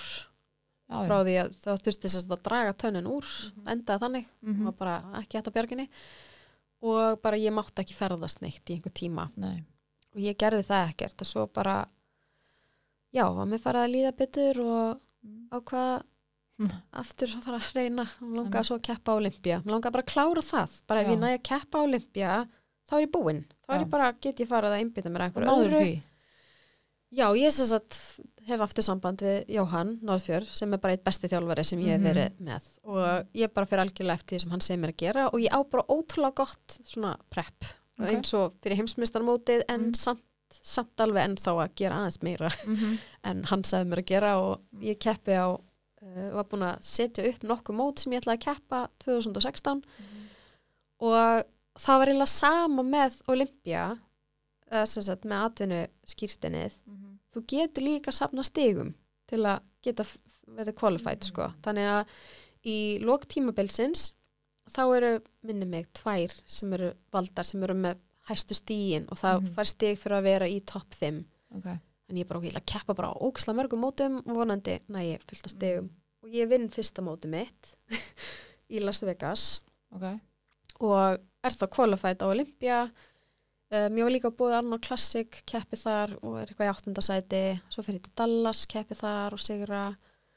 Svo keppi ég á Pittsburgh Pro, New York Pro gengur ógislega verið topp 5 þar og keppi svo á Olympia. Mm uh, september 2016 og það var gæðveikt, það var ógæðislega gaman, sýsti mín kom með mér út og ég bara svona, á, þetta er bara veist, ég, ég var í held í 13. sæti.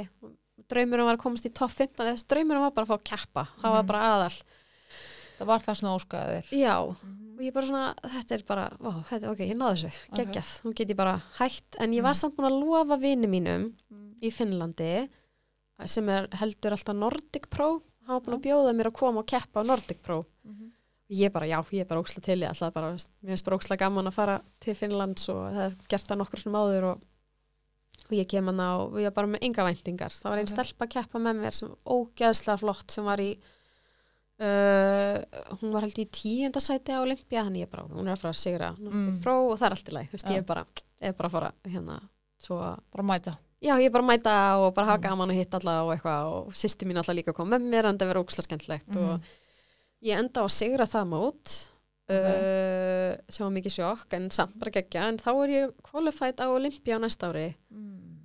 þannig ég minn verða að halda áfram og fannst einhvern veginn eins og ég, ég verða að halda áfram og, og hérna ég gerði það sko ég kefti svo á Olympia næsta ár og da- daginn fyrir mót þá fyrir ég myndatöku í hérna Nevada eðimörkinni og er stungin af geitungi á rassin Frábært. mest í stað og það er eins og ónæmiskerfið mitt hafa eitthvað hrunið við það ég fer eitthvað að kaupa ykkur ónæmistöflur og, en ég verð ógeðslega veik daginn okay. mót, á mótstegi og Æi. bara þú veist leiðnast yfir á sviðinu og ég bara Já. þú veist, gerði veist, náði ekkert neinu sætið, þú veist, ég var bara í með síðustu sætunum og var bara ókslega flöt og mér leiði bara alveg hræðilega og Mhm. bara svona og, og bara svona það var alltaf lægi samt, þú veist, ég bara ég, þú veist, ég hef keft á Olympia áður, nú er ég búin að keppa tvísvar á Olympia og þú veist, ég get alveg bara hægt núna en ég var samt búin að lofa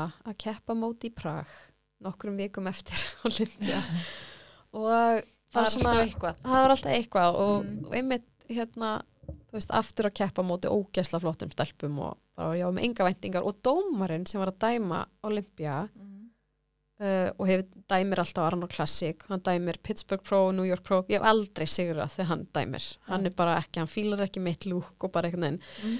já, ég ætla að keppa hann og hafa gaman bara og, og hérna uh, og sigra það mót uh, mér til mikill undrunar ennþá daginn í dag ok um, og er þá qualified á Olympia 2018 og ég var orðin svo ógeðslega þreytt hana og ég svona, ekki fóstu þangað nei nei, ég ok. sko uh, ég fekk sér satt uh, bandarískan svona umbásmann Já. sem að sagði við mig að ég geti bara verið í topp 5 á Olympia ég væri það flott og Mm. ég væri bara í sama formu ég var í þannig að ég vann fyrsta atvinnumóti mitt þá get ég verið bara alveg á toppnum en ég þarf samt að, þarf að vera sínileg á mótum samt áður. Þannig að reynda keppins mikið og getur upp að Olympia þannig ég bara ákvað ok, þetta verður síðasta Olympia móti mitt. Ég ætla bara að gera mitt besta og það væri alveg ekki að vera í topp 5 þú veist, það var alveg geðveikt. Og byrja þá hanna eitthvað niðurskurð og aftur byrja ég að verða mjög veik af áturskun Mm. og ég fer sem sagt, ég, ég var það veik að ég var komið svona hjarsláttatröflanir og ég fekk náladofar og slöðuveldlega Mhm. ógisla þreytt og hjarta var alltaf að sleppa takti og ég sérst fett til læknis og sem sendi mér blóðpröfu og kemur í ljós að ég með lífshættulega látt kaljum í blóðinu Já. sem að er uh, hérna, að mér skilst helsta dánarórsök þeirra sem eru með ádruskun þeirra Mm. Það er sérst kaljumskortur Mhm. og hjarta hætti bara slá bara stoppar. Og þannig það var bara þú veist, þú verður að slaka á. Já. og ég fekk bara eitthvað sterkar kaljum töflur og átt að bóla banana og fá með Powerade og, og ég gerði það og, og hérna eftir eina viku voru bara gildin orðin þú veist, flott. Ok. Og ég bara ok, þannig ef ég tek þessar kaljumtöflur mm þá er þetta allt í góði bara, þannig að þá get ég bara halda áfram. þá get ég haldið áfram. Og þá var ég ekki mikið eitthvað svona búlimíu þetta er orðið meira svona kallast orthorexia Já. sem ég var bara með fullkomna stjórn á öllum tölum þá bara ég viktaði allt upp á gram Mhm. og þú veist eins og með brennslæfingar ég var þarna komin út í að að brenna þess að taka 60 mína brennslæfingar á modnana og kvöldin Já. liftingaræfingum miðjan dag og brennslæfingarna áttu að vera svona high intensity interval training Mhm. sem átti yfirleitt ekki að taka svona lengi sko. svona, Mhm. Þá er ég eitthvað að taka einhver svakalega spretti í eina mínútu, kvíli eina mínútu spretti eina mínútu í veist, klukkutíma. Einmitt. og hérna ég var að borða eiginlega bara tófu og kirsuberja tómata í hvert einasta mál. Uh, Þetta er rosalega breglun já, þarna var ég bara, þú veist ég bara, ég, já ég var bara að stúta mér með þessu sko, ég fer hana uh, skrifundur samninga til að keppa á móti í Kólumbíu og Bandaríkjunum og Hawaii sem eru þetta Bandaríkjun en og hérna Ástralíu og ætlaði að taka einhver svona svaka keppnisferðalag Mhm. svo ætlaði að koma aðeins heim svo ætlaði að fara aftur til Bandaríkjana keppa á nokkrum mótum Mhm. og þarna var líka sko eins og ég sagði áðan að ég náði að vera edru í sex mánuði Mhm. Þannig að áður en ég byrjaði að keppa Já, og svo veist ég að byrja að keppa og all, bara lífið var bara orðið freka gott. Þá byrjaði ég bara aftur að drekka og, Já, og hérna það endaði allt, alveg á sama vegu sko. Ég var alltaf einhvern veginn í blackout og, og þarna var líka alkoholismin orðin mjög slæmur og ég ekki tilbúin samt að þú veist þetta sé vandamál. Og uh, ég sérst fekk þau skilaboð í fitnessinu að ef að mig langar að vera í toppnum Mhm. þá þarf ég að tala við rétta fólkið í bransanum ég þarf að komast inn í einhver svona klíku Mhm. og mér var ráðlagt að fara og hitta þennan yfirdómara sem er á Mr. Olympia Mhm. og fara sérst til New York og bara fara í hann á sérst einhverja líkansartastöðu í New York og ég átti sérst mér var ráðlagt að fara til hans og byggja hann um að horfa á mig í bikini og hérna pósa fyrir hann og eitthvað. Og ég var alveg Ha, já. Og bara og ég átti sem sagt on one já og ég átti sérst bara að fara að hitta hann og ég átti alveg að þú veist, tala rosalega mikið um hvað hann er frábær og hvað ég er þakklátt fyrir að fá að vera að keppa mótinu hans. Já, og svo byggja hann um að skoða formið mitt í bikini og pósa fyrir hann. Já. og þá bara einhvern veginn ég hef algjörlega misti allt álit á þessu öll saman einhvern veginn þegar ég fekk þessi skilaboð að þú veist, ég samt eitthvað með hjælt í vonina ef ég mæti bara í mínu besta formi að þá þarf ég ekki að gera neitt svona og og Meiri háttar undarlegt. Já og bara svona, er þetta bara það sem er að gerast? Það ég viss Já. alveg að það var klíka hvað varðar fæðibótaemna fyrirtæki sem er að styrkja mótin. Uh -huh. að þú ert styrtur af einhverju svona stærstu fæðibótunum fyrirtækjum að þá þau eru þetta að styrkja mótin og Já, svona þau fæður vilja sá sitt fólk í toppin sem er alveg ömulegt en svona skiljanlegt samt. Já, já. og ég gæti aldrei fengið styrkja á þessum fyrirtækjum að því þau eru öll beist í bandaríkjunum. Mhm. ég er eh, frá Evrópu og það vildi engin bandaríkin nenni ekki að díla Nei, nei. við einhvern sem er ekki með vinnu vísa þannig að ég svona fór í algjöran svona pocket gear bara Mhm. og ég kefti hann í Kólumbíu og uh, Arno Classic í bandaríkjanum Mhm. og hérna og alltaf sko fyrir mót daginn fyrir mót þá fekk ég mér alltaf nautasteik með einhver salti, einhver sósu, einhver smjöri Mhm. og bakaða karteblu og eitt rauðvinsglas Mhm. það var alltaf svona klakka alltaf svo til að þess daginn fyrir mót þá get ég fengið mér rauðvinsglas og svo daginn Það var ekki nautið sem að Nei, að reyndar, jú, alveg líka en Já. mest rauðvinsglasi svona aðeins að, aðeins að róa taugarnar og aðeins að slaka já, og svo hérna á mótstegi, þá mátti maður líka fá sér eitt svona Mhm. rauðvinsglas um morgunin og, Mhm. og ég hefði alltaf gert þetta sko, bara fengið mér eitt rauðvinsglas og kannski eitthvað svona örlítið en hérna, ég hef aldrei vilja vera eitthvað helluð á því bara á sviðinu, veist, nei. ég veit ég þekki eina stelpu sem að hún kefti á heimsmeistaramóti úlinga einhver tíman Mhm. og ég sá hana, svo sá vídeo af henni frá sem móti og ég þekkti hana ekkert þá sko, svo hitti ég hana þegar við vorum að keppa saman, ég sagði, heyri, ég sá sá þið hana á uh, heimsmeistarna móti úlinga og vá, og svo ógeðsla flott maður. Og hún bara, ha, er vídeo af því einhvers þar? Úps. Ég li, já. Já, ok, ég man ekkert eftir því, sko, ég var svo full. Í alvöru? Já, bara, sí ha, hvernig hvernig getur þið liftir það? Já.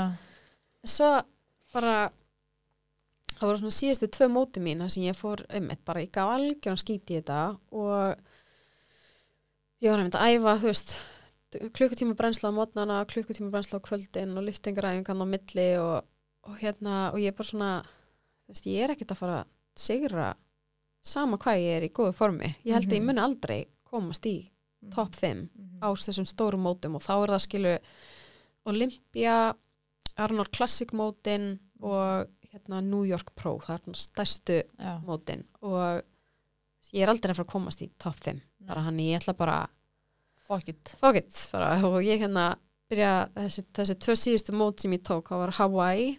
Mm. uh, og ég sko setti rauðvín í svona húða, litahúða flösku, svona stóra Já. flösku. Heldur rauðvín í hana, kifti mér aðra svona svipaða flösku, heldur hvítvin í hana.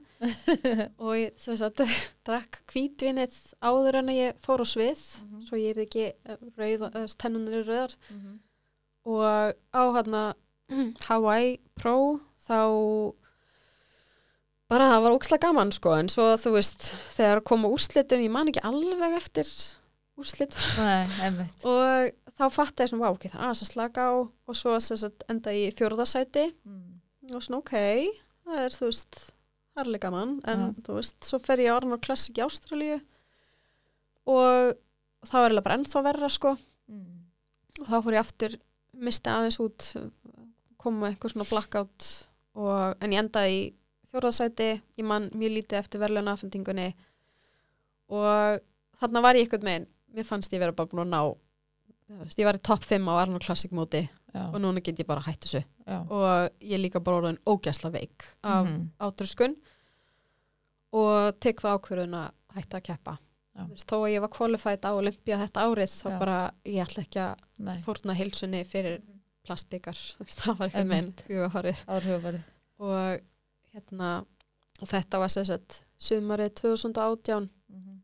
og ég bara var alveg staðræðan í því að ég ætla nú, nú, núna að ná fullkomnum bata frá átur eða þú veist, bara fullum bata frá áturskana því að ég held að ég hafi ekki náði í almennilega þannig að 2011 Mhm. því þá er ég, ég var veik af sagt, listarstóli eða Já, já. og þú veist, ef þú nærð bata frá þeirri tegunda áturskun Mhm. að þá eru fleiri tegundir sem að geta gripið þig Já, sko. og sama með áfengi veist, Mhm. geti kannski hægt að drekka áfengi en það er svo kannski bara að reykja veist, það er það er annað sem að getur tekið við. Þannig ég vildi bara ná bara bata frá þessu öllu saman. Mhm. og ég held að í grunninn hafi þetta verið rosalega mikið byggt á ótta, ótta við álit annara Mhm. og hérna ef að ég ætlaði að ná bata þá þyrfti ég að stíga inn í þennan ótta. Og, veist, og helsti óttin var ég þingist ógisla mikið Mhm. og fólk hafnar mér. Já. eins og það gerði því ég var yngri. Og ég var alltaf með rosalega mikið ótta við að við að vera 70 kíló. Að því ég var 70 kíló aðna því ég var 14 ára og Sérðu þarna kemur aftur í það þegar hjúkan segir það við þig. Einmitt. Og bara einhvern veginn að þú veist ef að ég reyna að bata frá áturskun ég gæti farið upp í 70 kíló og ég bara ég höndla það ekki. Það en, væri nú hræðilegt. Já, og þú veist en ég bara svona, ég horfði á eitthvað vídeo á YouTube var stelpa sem heitir Alice Olivia sem að, þú veist, og ég, ég horfði alltaf á svona myndbönd alveg hverjum einasta degi, eitthvað svona sem að eitthvað how I recovered from my eating disorder og alls konar svona vídeo og reynslusögur sem hjálpaði mér rosa mikið en, en þessi stelpa hún gerði vídeo sem hétt Recovery isn't supposed to be pretty. Og þetta vídeo því miður er ekki lengur á YouTube sem er finnst ömurlegt Ok uh, en allavega uh, hún sem þess að tóka út að því að henni langaði að ná til fleira fólks heldur en bara þau sem er að díla við átröskun því hún er að hjálpa fólki að öðlast svona heilbreyðara sambandi mat Mhm. og hérna en í þessu vídjói að þá sínd hún allt sem að ég óttaðist að Mm. það sem hún þurfti að fara í gegnum Mhm. Og það er svo margt sem hún útskýrði sem meikaði svo mikið sens að þú veist þetta að þegar maður er að ná bata frá átröskun eða maður er bara einhvern veginn nýbúin að vera í einhverjum megrunarkúr Mhm. þá er rosalega algengt að maður missi alla stjórn á mataræðinu sínu og Mhm. fer bara í algjört ofátt Mhm. og missir bara alla stjórn bara, veist, og maður upplifir svo bara eh, svona, hvað segir maður maður skamma sín svo mikið Mhm. að hafa ekki meiri viljastyrk en þetta bara, þú veist, ég bara algjör enga stjórn. Og hún vil meina að það er eðlilegt að það er basically hérna líka minn er að bjarga manni. Sem sagt, þegar maður er að svelta sig eða, þú veist bara, er að borða of lítið líka minn veit ekki að maður er að reyna að líta einhvern meginn öðruvísi út eða Nei. léttast líka minn registerar þetta sem það er bara ekki matur í bóði, það er hættu ástand Já, bara svo Og- að svelta í einhverju eðumörka já, já, já, bara það er engin matur til staðar Mm -hmm. og svo ertu kannski búin að vera í megrunarkúr og bara búið að ganga freka vel, ferð svo í fermingaveislu og það er Mhm. ógeðslega mikið að kökum og þú finnur bara hvað er langa mikið að fá Já. í köku og ákveður að ég ætla að fá mér fullt já, já, já, og ákveður að ég ætla, ég ætla að leiða mér eina sneið og svo bara einhvern veginn allt í einu ertu bara búin að fara og þú veist, fá þér fimm diska af kökum og skilur ekki hvað gerðist og Mhm. bara upplifur ógeðslega mikla skömm og bara nennin á morgun þá ætla ég að fara aftur bara allin í kúrin minn. Mhm. og þú veist, það er sama með þú veist, ádröskun sem er kannski bara aðeins herra leveli að hérna þetta er basically bara að þú veist, þú tekur ákvörðun þú ætlar að fá þér köku Mhm. þá er líka með bara, ok, það er fullt af mat til ég ætla að láta Mhm. hann bara borða eins mikið og mögulegt er þannig ef það kemur aftur svona ástand Já. þá eigum við nóg af svona forða forða fyrir það og það meika svo ógeðslega mikið sens fyrir mig bara, vá, Mhm. þetta snýst ekkert um viljastyrk, þetta er bara Mhm. líka minn er bara reyna að halda mér á lífi Mhm. mér finnst það líka rosalega fallegt já, og hún sem sýnir það að hún bara ákvað bara fara bara eftir skilabóðum líkamanns bara ef líkamann segir henn að borða þá borðar hún, ef hann segir henn að borða eitthvað óholt, þá borðar hún það sem er óholt og bara fer algjörlega eftir Ok. því sem líkamann segir. Mér varst það rosalega erfitt svona fyrsta því ég var bara, ég var svo ótrúlega mikið í ég, ég byrjaði að borða yfir mig af hérna tofu og kirsubyrja tómutum og hérna sætum kartöflum. Það var eitthvað sem ég bara borðaði bara alveg veist, st- þrjá stóra diska af ógeðslega mikið af tofu. Ok. Og þú veist, bara eitthvað svona mjög skrítið. Já, mjög skrítið. En ég líka bara eitthvað neginn, þú veist ég var bara líka svo vönni að vera bara að borða þetta og ekkert vera að borða neitt óholt. Og svo fór ég svona að leifa með meira og meira að, veist, að borða eitthvað annað. Uh, ég sótt um líka hjá ádurskunna teimi landsbítalans og þú veist var ég sex mánuði eitthvað á bygglista komst svo inn og þá er ég alveg búin að þingjast töluvert okay. þegar ég kemst inn og búin að vera að háma í mig tofu sko Já. og hérna bara með tófu alveg sko, ég hef nú idea, þetta er bara, ég er ógesla dugleg og þau gáðu mér það verkefni að borða eitthvað óholt einu sinni í viku Mm. og ég bara, nei, þú veist, það er alveg óþarfi, ég meina óholti matur er bara mjög slæmur fyrir þig og, og hérna, þú veist, ég ætla ekki að vera vond við líka maður minn að gefa hann óhollan mat og eitthvað svona, Mm. en þetta var partur af prógraminu og ég bara gerði þetta og það hefði verið einhver kaka og gló sem við alltaf langað í. Mhm. og það var fyrsta sem ég ákvað að fá mér eitthvað svona brownie. Ok.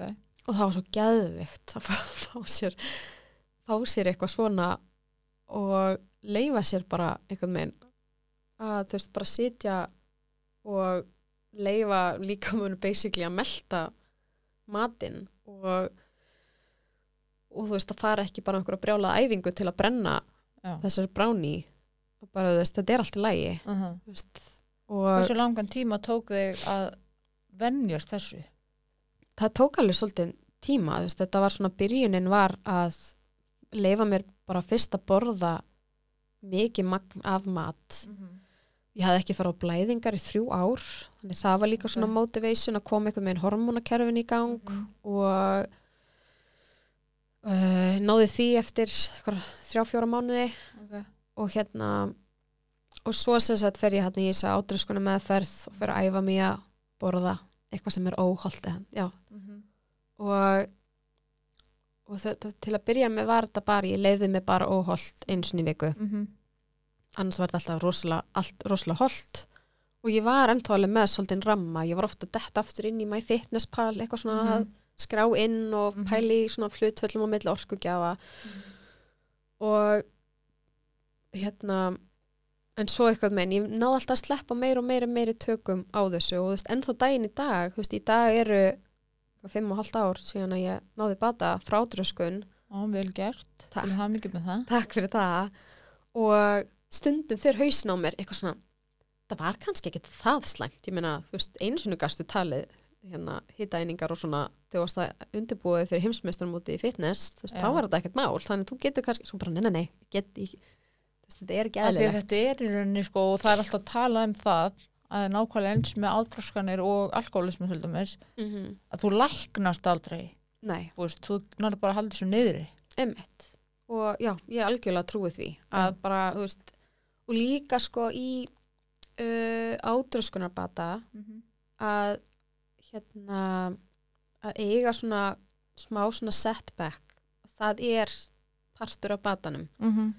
og maður lærir svo ógeðslega mikið af því eins og ég sér að var búin að vera hana í bata í alveg í svolítinn tíma og mér fannst ég vera bara alveg algjörlega með þetta. Og svo fer ég í svona ferð uh, svona tólspora ferð með þáverandi eða núverandi kæristanum mínum og hérna uh, við bara með hópur af fólki erum að fara í hérna út á land í einhverja ferð og, og þegar við setjumst upp í rútuna við erum að fara að leggja stað.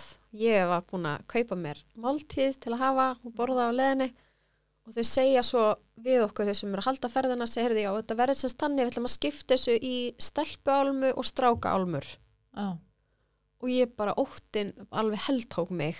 Bara ég þekki ekkert þessar stelpur sem eru með í ferðinni. Ég er bara eina með kæristana mínum ég þekki bara vinið hans. Og þú veist þetta verður bara já ég var bara ógæst að hrætt og og ég hérna borðaði eiginlega ekkert alla þessa helgi. Ég bara, veginn, bara ég fóð bara beint í það. Já. bara einhvern veginn hausin á mig fóð bara beint í Já. þetta að það er líka eðlilegt. Þetta Já. er, þetta er svona bjargráð ymmit í rauninni. Og þú veist þetta hljómar ókslega svona furðurlegt bjargráð einhvern Já, veginn en fyrir, þá sem að, fyrir þá sem að þekkja það ekki. Já, og þetta var svona eitt af mínum svona setbacks að ég bara þurfti að bara, og þarna var ég ennþá í átörskunum meðferð, ég var vikulega að hi- hitta hérna sálfræðing hjá átörskunum teiminu og hún algjörlega greip mig og bara, ok, við viljum bara setja það strax aftur á bara plan, þú ert að, að fara að borða eitthvað óhald einu sinni í viku Já. og fylla út matadagbók og bara, þú veist, þú getur þetta og Mhm. ég lærði óksla mikið af þessu að því þarna var ég bara að díla við óta við stelpur, veist, það var svo oft stelpur sem að voru Mhm. skilja mig út undan og, Einmitt. og hérna já, og þannig þetta var eitthvað svakalur ótti við höfnun frá þeim Mhm. Og ég bara fór aftur, varði einhver minn aftur í litla magga og, og hérna og sásökin, andlegi sásökin var það mikill að ég bara einmitt, greip í það að svelta mig til Mhm. eitthvað en að núlstilla mig Mhm. og þú veist, ég hef engar stjórn á aðstöðunum mínum, ég hef stjórn á þessu eitthvað. og Því átráskum byrjar líka oft þannig að þú hefur yngar stjórn á ytri aðstæðum þá ætlar Mhm. allavega að hafa stjórn á þessu einmitt, þannig byrjar mjög oft átráskum já, akkurat þannig að já, það er algjörlega og ég trúi því líka að uh, allavega fyrir mig er ádröskun mín Þú veist, þetta er bara alveg eins og með alkoholisma og ég er alveg ég sem sagt tók það ákvörðun uh, bara á svipum tíma og ég náði bata frá ádröskunum minni að hætta að drekka. Og ég hérna bara algjörlega viðkendi fyrir mér að ég, þetta er vandamál. Mhm. þetta er ég bara fíkin í hugbreytandi ástand. Já. Og hérna og ég fór í svona tólspora samtök og Já. það bara gjössanlega breytti lífinu mínu. Og, og ég, það er líka eitthvað sem styrti bata minn frá átröskun rosalega mikið að ég sagt uh, byrjaði með fundi, tólspora fundi fyrir fólk sem er með átröskanir. Ok, og ég fór í gegnum sporin í þeim uh, samtökum. Ok.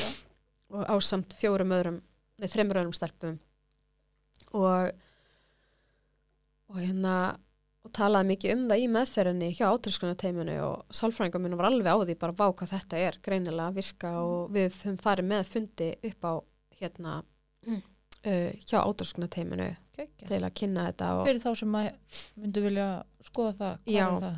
en þeir eru reyndar ekki lengur held ég þessi fundir allavega ef fólk vil tjekka á því þá er Facebook síða sem heitir EDA Ísland Ok, og þetta er svona grúpa og það er hægt að bara óska eftir aðgangi í hana ok. og það gæti verið að sé einhverju sem er ennþá með hana Mhm. en ég sem sagt eiginlega alveg bara kúplaði mig úr eiginlega öllu að ég varð svo hérna uh, varð ólétt Já. ég held að ég myndi aldrei geta eignast börn það var eitthvað sem að þú veist, ég mér langaði í langan tíma sko en bara ég, í fyrra sambandi varð aldrei ólétt. Ég held bara að þú veist, ég hefði bara klúðrað heilsunum minni með áturskuninni þú veist, að ég bara væri ófrjó og Já. kannski einhver tíman get ég ættleitt eða, en ég var bara algjörlega á því að ég get ekki eignast börn. En um, Þú ert nú búin að sína fram á annað. já, já, ég hérna eiginlega bara mánuði eftir ég útskrifast úr kvítabandinu og þá fæ ég jákvætt ólítið próf Já, ok. og já, það var bara alveg uh, stjá bara algjörst Ein pæling, varstu hrætt? Þú varst ólétt. Hvernig átrúskunni myndi verða? Já, það var einmitt eitt af því sem að því ég var að útskrifast þá átti ég að fara, áttu við að fara yfir alls konar sem getur kveikt á átrúskunni Mhm. Og, og fara yfir bjargráðans, hvað ætla ég að gera Mhm, ef þetta gerist, mhm. hvað ætla ég að gera ef þetta gerist og ég maninn, það var eitt þegar, ma- þegar konu verða óléttar -hmm. að þú veist, það getur verið tryggar, Mm -hmm. þá þarf maður að díla við það þurfa að þingjast meira og ég hérna ég hafði samband strax við átrúskuna teimið Mhm. og komst bara í forgang Já. og alla meðgönguna var ég í viðtölum og ég var líka sett í áhættu meðgöngu út af því ég var með Já. sögu þannig ég hitti ljósmóður vikulega líka Ok. og það bara gekk óslega vel ég held að sé líka óslega mikið þessum tólspóra samtökum að þakka að ég Mhm. bara eitthvað neginn um, og en þá í dag veist, ég, ég trúi á eitthvað æðra Mm -hmm.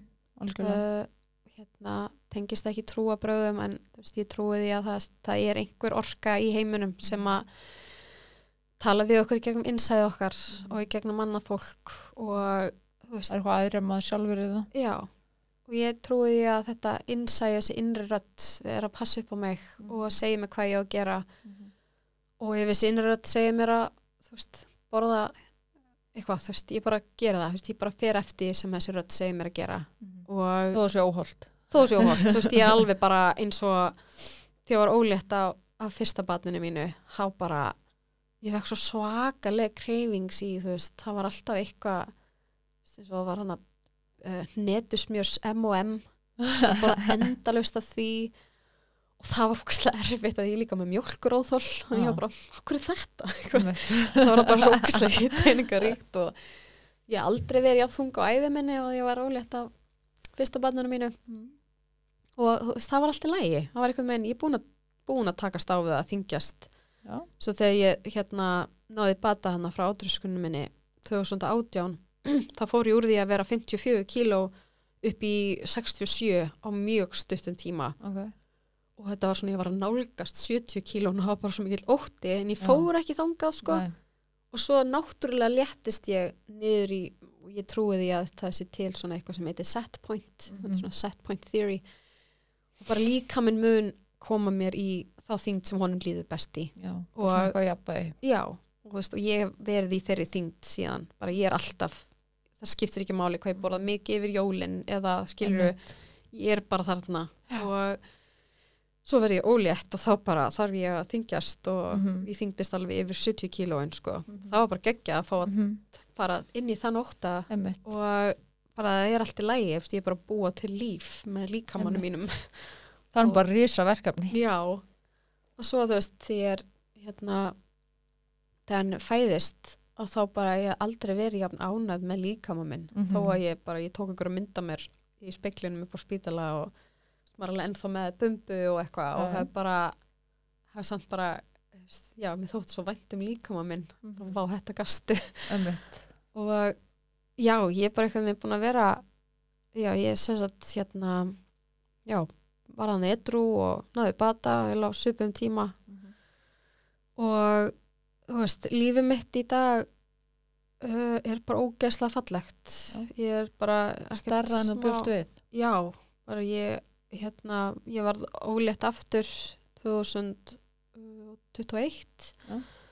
og eignast annan strák sumari 2022 um, og þú veist, það var sama það var allt ön, önnu meðgangarindar þú veist, þá ég var rosa listalus og þeirri meðgang það var líka mjög kræfjandi einhvern veginn að díla við það að vita og þurfir að borða. Já, mér varst það mjög erfitt að Já. ég bara hafði ekki list á neinu. Það var mjög erfitt að, að hérna og ég þurfti að bara neyða mig til að borða eitthvað sem var mjög hita einingaríkt til þess að bara, já.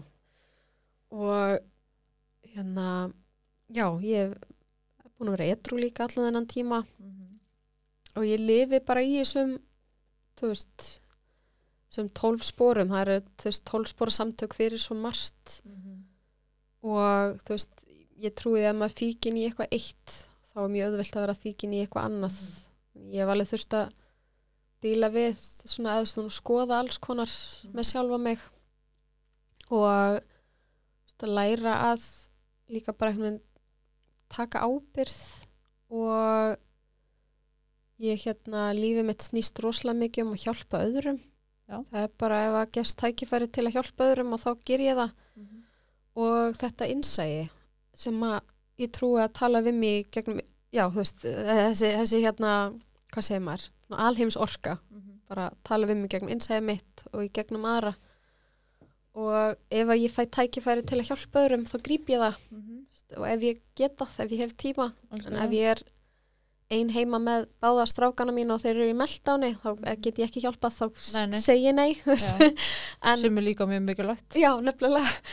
Og líka, þú veist, þegar að hjálpa öðrum, það hjálpar mér svo mikið. Já, og þetta er bara svona win-win situation og líka bara að hjálpa án þess að búast við einhver á móti, já, bara það að hjálpa, hjálpa mér.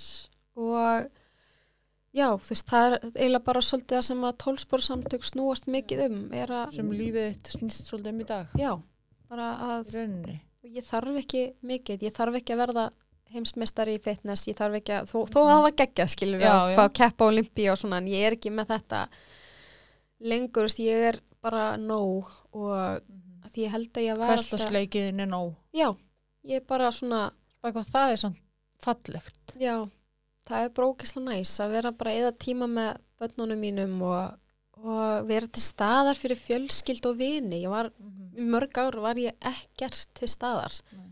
Fjárverandi bara. Rosalega fjárverandi því ég líka bara var í fitness og ég mátti ekki borða hitt og þetta. En ég mækka ekki að vera að mæta einhver matarbóð og þau eru með einhverja marinstert á borðinu Mhm. skilur sem ég þarf einhvern veginn að standast og Einmitt. þannig að ég bara einhvern en veginn að segja sjálfur að þið langi ekki í já, já, já, einmitt, akkurat. Þannig ég einhvern veginn bara, þú veist, ég hef átt alveg allavega tvö eða jafnvel þrjú jóla sem ég fekk mér bara kjúklingabringur og brokkoli í matinn og var bara ein með kærastanum mínum. Bara Já. meikuðum ekki að fara að vera með fjölskyldu. Er eitthvað svo glatað og margar vinkonur sem ég var ekkert að sinna. Ég bara játti ekkert félagslíf þegar ég var að keppa nema þegar ég var undir áhrifum áfengis. Þannig að Já. var ég alltaf um helg ég var alltaf bara all in fitness bara alla daga vikunar og svo kom helgi og þá var ég bara full Já. og svo bara aftur og Einmitt. fitness og hérna Það er ekki líf sem þú myndir vilja lifa í dag Nei, guð, ég er svo þakklátt líka að vera ekki þarna með, með strákana mína bara, Einmitt. ég bara get verið veist, ég er bara algjörlega til staðar og, og lífið snýst ekki bara um mig veist, þetta er einhvern veginn ég, já, ég er bara svona rosalega mikið bara til staðar fyrir aðra og ég gef mér rosalega mikið tíma fyrir aðra og, og ég líka sko hérna uh, ég hérna hefur lengi grunað að ég sé yngverf Já. og mamma mín hefur sagt oft í gegnum tíðina að hérna eitthvað svona, "Á, þegar þú varst lítil að hugsa ég oft með mér og þú verður öruglega með Aspergers. Eitthvað svona. Og bara svona, ok, hverju tekkar ekki á því. Og já, þegar ég var að neyja sér áturskona með þá svona fyrst byrjaði ég svona ég ætti kannski að láta að tekka á þessu. Svo bara nei, nei, nei, ég er örugglega ekki ég er örugglega ekki einhverf og, og hérna. En það er að mynda þessi tólsporsamtök þau hjálpa manni svo mikið með að eitthvað meginn taka ábyrð á lífinu sínu og Algjörlega. Stíga inn í alls konar ótta. Ég var svona hrætt við að fá að vita að ég sé veist, einhverf. Ok, en, en ég hef allt mitt líf upplifað mig sem mjög skrítna og ég fekk svo ofta að heyra að ég væri öðruvísi. Mm. og ég skildi ekki af hverju ég get ekki bara verið einhver minn eins og vennilegt fólk innan gæsalappa að hérna alltaf óksla viðkvæm fyrir áreiti og hljóðum og áferð og fötum og áferð og mat og, okay. og hérna og erfitt með að skilja fólk margt svona lesi uh, aðstæður og lesi aðstæður svona já, já, já, einmitt, Já. bara ógeðslega erfitt með allt svona og ég skildi ekki líka sýsti mín er ógeðslega félagslind, hún er svo auðvelt með að tala við fólk Já. Og bara einhvern veginn svona að tala við fólk að fyrra bræði, já, rosalega erfitt með það Mhm. bara einhvern veginn og ég get bara farið alveg bara rosalega mikið að pæli, bara hvað ætti ég að segja hvað myndi þá manneskan segja á móti hvað myndi ég þá segja, hún segir þetta og hérna ég oft svona bara verið að elda hana ef hún er í einhverjum svona matabóðum eða eitthvað, eða svona einhverjum ammælisveislum sem er mikið fólki líka sem ég þekk ekki Mhm. þá oft svona hef ég að elda hana og svo bara er ég gjörsanlega búin á því og þá fer ég eitthvað afsýðis bara inn á, Mm. inn almenningssalerni og sit þar með jafna mig eitthvað meginn hefur þú farið í greiningu? Herri, já, ég fór svo ákvað bara að láta verða þessu og ég fór í greiningu og, og hérna sérst greinist á einhverju rófi. Já.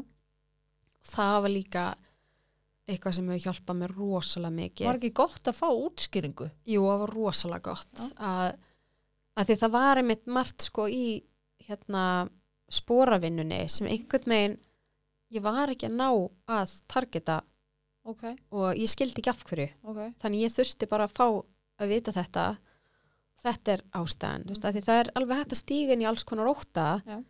en eins og til dæmis félagslegar aðstæður -hmm. sem ég var alltaf eitthvað meina að reyna að stíga inn í eitthvað Mhm. óta en ég bara átti ógeðslega erfitt með það Já. og ég skildi ekki af hverju því ég er bara, þú veist, mótefni við, hérna, við óttanum er bara að trúa og þetta verða allt í lagi og ég vil bara stíga inn í óttan Mhm. og en þú veist, ég er bara hérna uh, hvað segir maður? Það er ekkert að því að vera yngverfur maður er bara einhvern megin svona aðeins öðruvísi. Þetta er svolítið svona eins og eh, hérna Apple stýrikerfi og Windows stýrikerfi. Mhm. að þú getur ekki notað hérna Apple 12 með Windows stýrikerfi. Eða allavega ég held ekki. Þetta er hérna, svolítið eins og sko þú ert með einstakling sem er fyrirningur og svo þrýrningur mm pass ekki inn í hvern annan sko. Já, já, já, akkurat. þú getur ekki tekið þrýrningin og alltaf tróðar minn í fyrirningin sko. Nei, emitt virkar ekki. Nei, akkurat. En þetta er bara svona, ég er bara búin að læra ógeðslega mikið inn á sjálfa mig og, veist, og líka læra að sína sjálfur mér mildi.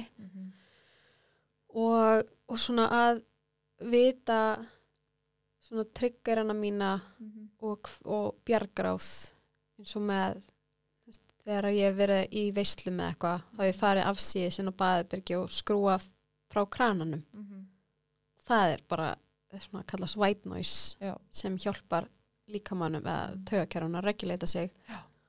og Hefur þú hort á myndina að sjá hvað ósýnilega? Já. Það er mögnuð mynd. hún er geggjuð já, ég er búin að horfa ógeðsla mikið um, um einhverfu og, og hérna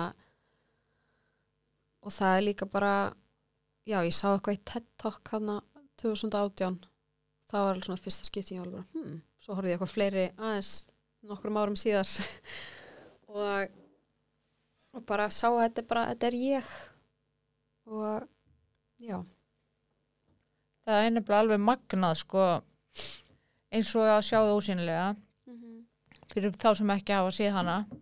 Ég mæli með fyrir alla að horfa á hana Af því að það, það er um konur, af því að einhverju konum er oft greind miklu, miklu setna heldur en hjá strákum. Af því að það er svo, svo hérna miklu faldari. Já, emmitt, Þú líka bara, já, konur þær læra fyrr að svona maska, Já. það er líka bara svona í genunum okkar að veist, við fæðum börn og við þurfum að það, þú veist, það skiptir svo miklu máli að vera með svona samfélag í kringum sig til að ala upp barnið, þannig að Og maður verður að vera félagslindur og vera þú verður svona eins og eitthvað svona æ, nú vantar með að fólk sjáu hvað er að gera. Þú er svona verður svona svo slæða. Já, það er svona millals þar emmitt, svona, já, út af því að þú meira lærir hvernig þú átt að haga þér. Mm frekar heldur en að uppfinna það hjá sjálfrið þér. Já, skilur hvað er að meina? Já, emmitt eins og þú sagðir áðan já, ég átti að drekka tvo bjóra þá er ég bara búin að læra það. Já, já, já, svo bara vott býtum að fá þriðja? Já, býtum við, það er eitthvað, það er eitthvað nýtt. Einmitt. þannig að það er svona hérna þannig að það fengi svar við því. Mhm. bara býtið af, af, þetta er ástæðan fyrir því að ég kannski passaði ekki inn í Mhm. Og þá er ég ekki að meina sko það er ekki svarið við eineltinu en einu þannig sko. Nei, en þarna kannski farið svar við því að hverju þú upplýðir þig öðruvísi. Já, já, já, einmitt. en bara sorglegt hvað það kom rosalega seint sko. Já, það er, já, ég var eitthvað 31 að að ég fer í þessa greiningu já, og síðan þá er ég bara búin að ég er samt svo þakklátt að veist að þetta sé komið sko. Mm -hmm. og veist, ég þekki nokkrar sem hafa farið í greiningu út frá að hafa hýrt mig tala um að ok, mína greiningu. Ok. Og veist, já, það er svona mikið vakning núna. Mm -hmm. og, og líka bara þetta það er ekkert að vera á yngveru rófi þetta er róf það er ekki ég, það, ég var með ákveðna stereotypu í huga. Já, já, já. Þannig var ég bara eitthvað og þetta er bara líka sama með veist, hérna alkoholisma, maður er alveg Mhm. kannski með eitthvað ákveðna stereotypu í huga. Nei, ég er ekki alveg þarna, sko, þannig ég get ekki verið svona. Akkurat. Og þannig já, ég er alveg bara já, bara mjög stolt að því sko að vera yngverf og um, að því þú ert ekki stereotypan sem fólk er að hugsa um sko. Nei, nefnilega ekki. Og ég er alveg, þú veist uh, ég er svona að læra inn á hvinnar er ég að maska og hvinnar er ég ekki að maska. Mm -hmm. og uh, ég hef alltaf átt mjög erfitt með augnsamband. En ég sko sérstaklega ef ég er að tala við fólk, veist, ef ég er að tala þá er ég mjög erfitt með að horfa í augun Já. fólki, já, en ef fólk er að tala þá get ég hort í Já. augun, skilu Mhm.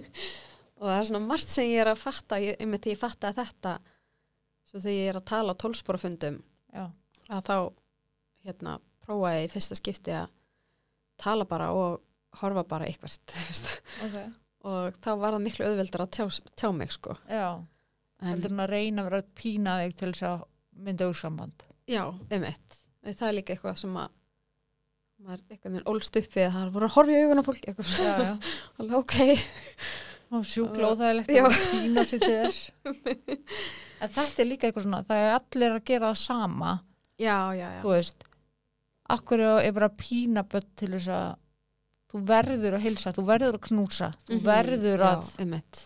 þú veist þetta er ekki, þá ekki að gera þetta við börn Nei, þú veist akkur ei átt að knúsa eitthvað sem þú vilt ekki knúsa eða akkur verður að horfa í auguna okkur fólki sem vilt ekki horfa í auguna Mm -hmm. skilur við, eða þetta er bara eitthvað svona reglur svona hagar þú þér.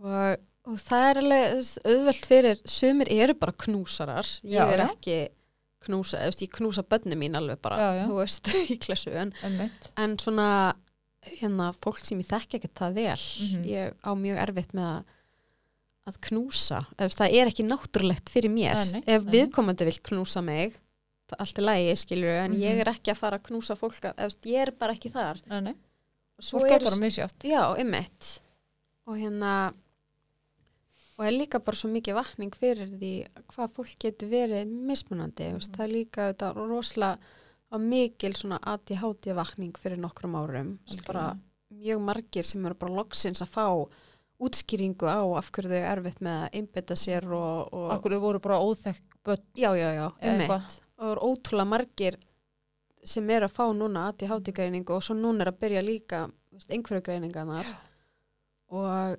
þannig að já, mér finnst það bara svo geggja líka bara eins og veist, eldri strákurum minn hann er hérna mjög kröftugur og uh, hérna þú veist, hann myndi mér rosalega mikið á mig þegar ég var lítil. Já, ég var rosalega hrætt þegar hann var að byrja á leikskóla. Ok. Gat, hann verður örugglega, þú veist, bara stimplaður sem eitthvað svona erfiða badnið eða eitthvað Mm. svona það er ekkert þannig, það er bara þú veist, það, það er bara ég er svo ógeðslega þakklátt leikskólanum hans og Dásamlegt. bara, já og, þú veist, og líka bara aðri krakkar sem eru greinilega með einhverja tögaþróskaröskun mm. sem er þú veist þá ADHD eða einhverju að, þú veist, Mhm. að það, það er sett svo mikil vinna í að hjálpa þessum börnum. Mér finnst það svo, ég er svo ógæsla þakklátt fyrir það. Það er bara svo geggjað. Þetta er orðið alltaf öðru vísi sko. Já, það er, ekki, það er ekkit, ég veit ekki með aðra leikskóla, ég veit bara um leikskólan sem já, já. minn, eða síni mín er á, Einmitt. veitir Múlaborg, sjáta át á Múlaborg. það er bara, þetta er bara æðislega leikskóli og, Dásanlegt. já, Að því maður þarf alveg því miður, þá þarf það að vera heppin með skóla og leikskóla sko. já, já, já, er já, ég hef alveg heyrt það Mm -hmm. og já, það er bara rosalega þakklátt. Og það er ekkert hann er aldrei verið ég hef alveg spurst eitthvað ég var hann eitthvað erfiður í dag. Mm. erfiður, nei, nei, hann er aldrei erfiður Nei. hann er bara, Skemmtilegur. hann er bara mjög skemmtilegur sem Já. hann er, ógæsla skemmtilegur en hann er bara mjög ákveðin og hérna, Sem er gott. sem er mjög gott það er alveg já, Sem er Amen. ekki stjórna heiminum þegar hann er eldri Akkurat. gera heiminn á betri stað, Já. En það er bara gott líka að hafa skap. Já. Skilur algjörlega Maður er ekki að láta vallt yfir sig. nei, nei, nei, nei, hann lætur engan valda yfir Nei. sig sko Sem er gott. það er bara pappans var eitthvað, eitthvað stressaður um daginn og þá var hann eitthvað man ekki hvað hann var að gera en maður minn var eitthvað að reyna að segja við hann þú veist, það hætti einhverju Mm og svo sagði strákurinn okkar við hann pabbi, slakaður slakaður pabbi okay. bara chillaði hans Chillaði. chillaði Það er enda mjög gott sko. já, hann er alveg snillingur sko. En ertu sér satt sátt við lífið eins og það er í dag? já, Ertu glöð Já. með það? já, ég bara óksla sátt með það Já. já, bara rosalega fallegt líf og það komið upp alls konar erfileikar sem bara gerist Já, já. síðan ég varð edru og svona Lífið heldur áfram og kasti mann verkefnum já, sko. já, já, og ég hef alveg oft geta farið í sjálfsvorkunar gýr og, og hérna og gefist upp og bara en ég kom að sé ég, ég reyna alltaf að sjá það jákvæða í öllu Mhm. Veist, ef það gerist eitthvað erfitt um, þá sé ég það alltaf sem verkefni Já. frá þessu æðra Mhm. og hérna og allt sem að ef ég kemst í gegnum erfileika það gerir mig sterkari og ég get líka hjálpa þá öðrum Mhm. sem eru þá í framtíðinu kannski að fara í gegnum sömu erfileika Akkurat. og hérna já, ég bara eitthvað neginn reyna alltaf að sjá það jákvæða Mm. ég var í tattu um daginn Mm. og hérna hjá uh, tattuartist sem heitir Ól- Ólafur Laufdal Já. og þetta var Ég svolítið þekki hann hann í geggjær. já það, Já. já. hann er æði hann hérna hann var að gera svona, hann var að klára svona half slíf hjá mér Já. og, og rosalega vond það er bara vond að fá sér tattu en ef maður er með ágætis hugafar þá er það ekki alveg jafn slæmt og hann var eitthvað spurði mig og búin að vera í fjóra tíma tattuður á mig og spurði svo, er, ekkert- er þetta ekkert vond og ég síndi eitthvað Já. og, og ég sagði við hann að ég, eitthvað, jú, þetta er alveg vond en mér er líka rosalega illt í, í hérna annari ristinni af því að Mm. önnur risti mín er hærri en hina því ég sparka svo oft í olbúa Já. þannig það er aðeins að vinna móti þannig þetta er allt í lagi eitthvað, með eitthvað svona eitthvað sem það hugsa um bara eitthvað, þetta er mjög vond en líka mjög illt í ristinni Og sársökaflutningur. já. en já, líka bara ég veit ekki, þú veist, ef það er eitthvað krakkanir Gæti alltaf verið verra sko. Já, nefnilega. Er bara, ég er eiginlega bara mjög þakklátt fyrir, fyrir lífið mitt og, og hérna og fyrir hugafæri mitt og stundum ef ég heyri einhvern tala um lífið sitt á Mhm. einhvern neikvæðan hátt þá vil ég alltaf, þú veist, segja því ákveða en það er ekkert allir tilbúinir í það að, Nei, Heyra fólk kom það. er rosa misjafn, misjafn sín á lífið. Einmitt. En það sem að allavega hjálpaði mér með mitt hugafar er, er tólspóra samtök, mm. er ekki bara tólspóra samtök heldur, veist, þessi spór, Sporin. spórin er það Já. sem að hefur hjálpað mér og það er ekki nóg bara að mæta einhverja fundi og halda Það það bara, vinna vinnuna. Já. það er algjörlega þannig og vinna vinnuna þú veist, á hverjum degi, mm. -hmm. mist mikið en að það sé alltaf eitthvað sem maður er að Það er gera. ekki nóg að vinna á spórum og það er að lifa í spórunum. Einmitt, akkurat og, og ég hef alveg heyrt fólk segja eitthvað svona, já ég hef prófað þetta og veist, það virkaði ekki fyrir mig. Mm. ok, prófaðu uh, hérna, trúur á aðri mátt. Nei, ég hef aldrei meika það. Já, mm, ok, en hefur verið mikið að hjálpa öðrum eða hefur verið, veist, já, það er svona alls konar. Já, fórst í, Fólk gegn, í ekki í gegnum sporunum. spórin einmitt. Það var kannski fólk sem mætti bara á fundi. Já, og bara ok, ég, það sem ég gerði var bara ég ætlaði bara að prófa þetta og þetta virkar ekki allir bara skilu þessu. Það var einhver sem Já. sagði það á fundi bara prófa þetta bara og ef þetta virkar ekki, en það þarf líka að gefa því sens algjörlega, einmitt, bara prófa þetta algjörlega heiðarlega og 100% bara Mhm. og þú veist, eins og með þetta með þennan æðri mátt sem er alltaf talað um í, í tólspara samtökum og oft nota orðið bara guð. Veist, það er æðrulisbænin byrjar á guð. En það má ekki gleyma því að fyrir aftan guðstandur í þeim hérna, skilningi sem þú leggur í það Akkurat og ég átti ókslega erfitt með þetta guðartal að því þú veist ég bað guð oft um að breyta hálitnum mínum hann það aldrei. Nei, og hérna, veist, og það er líka bara stúpid að trúa okkur guð.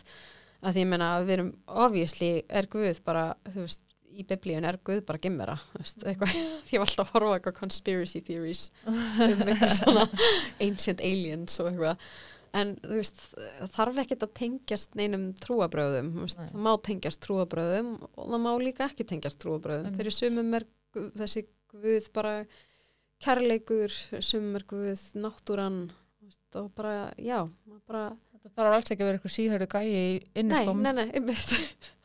Sem er með einn svona dæmamann og, og eitthvað með eitthvað fullt einhverjum reglum og bara alls ekki sko.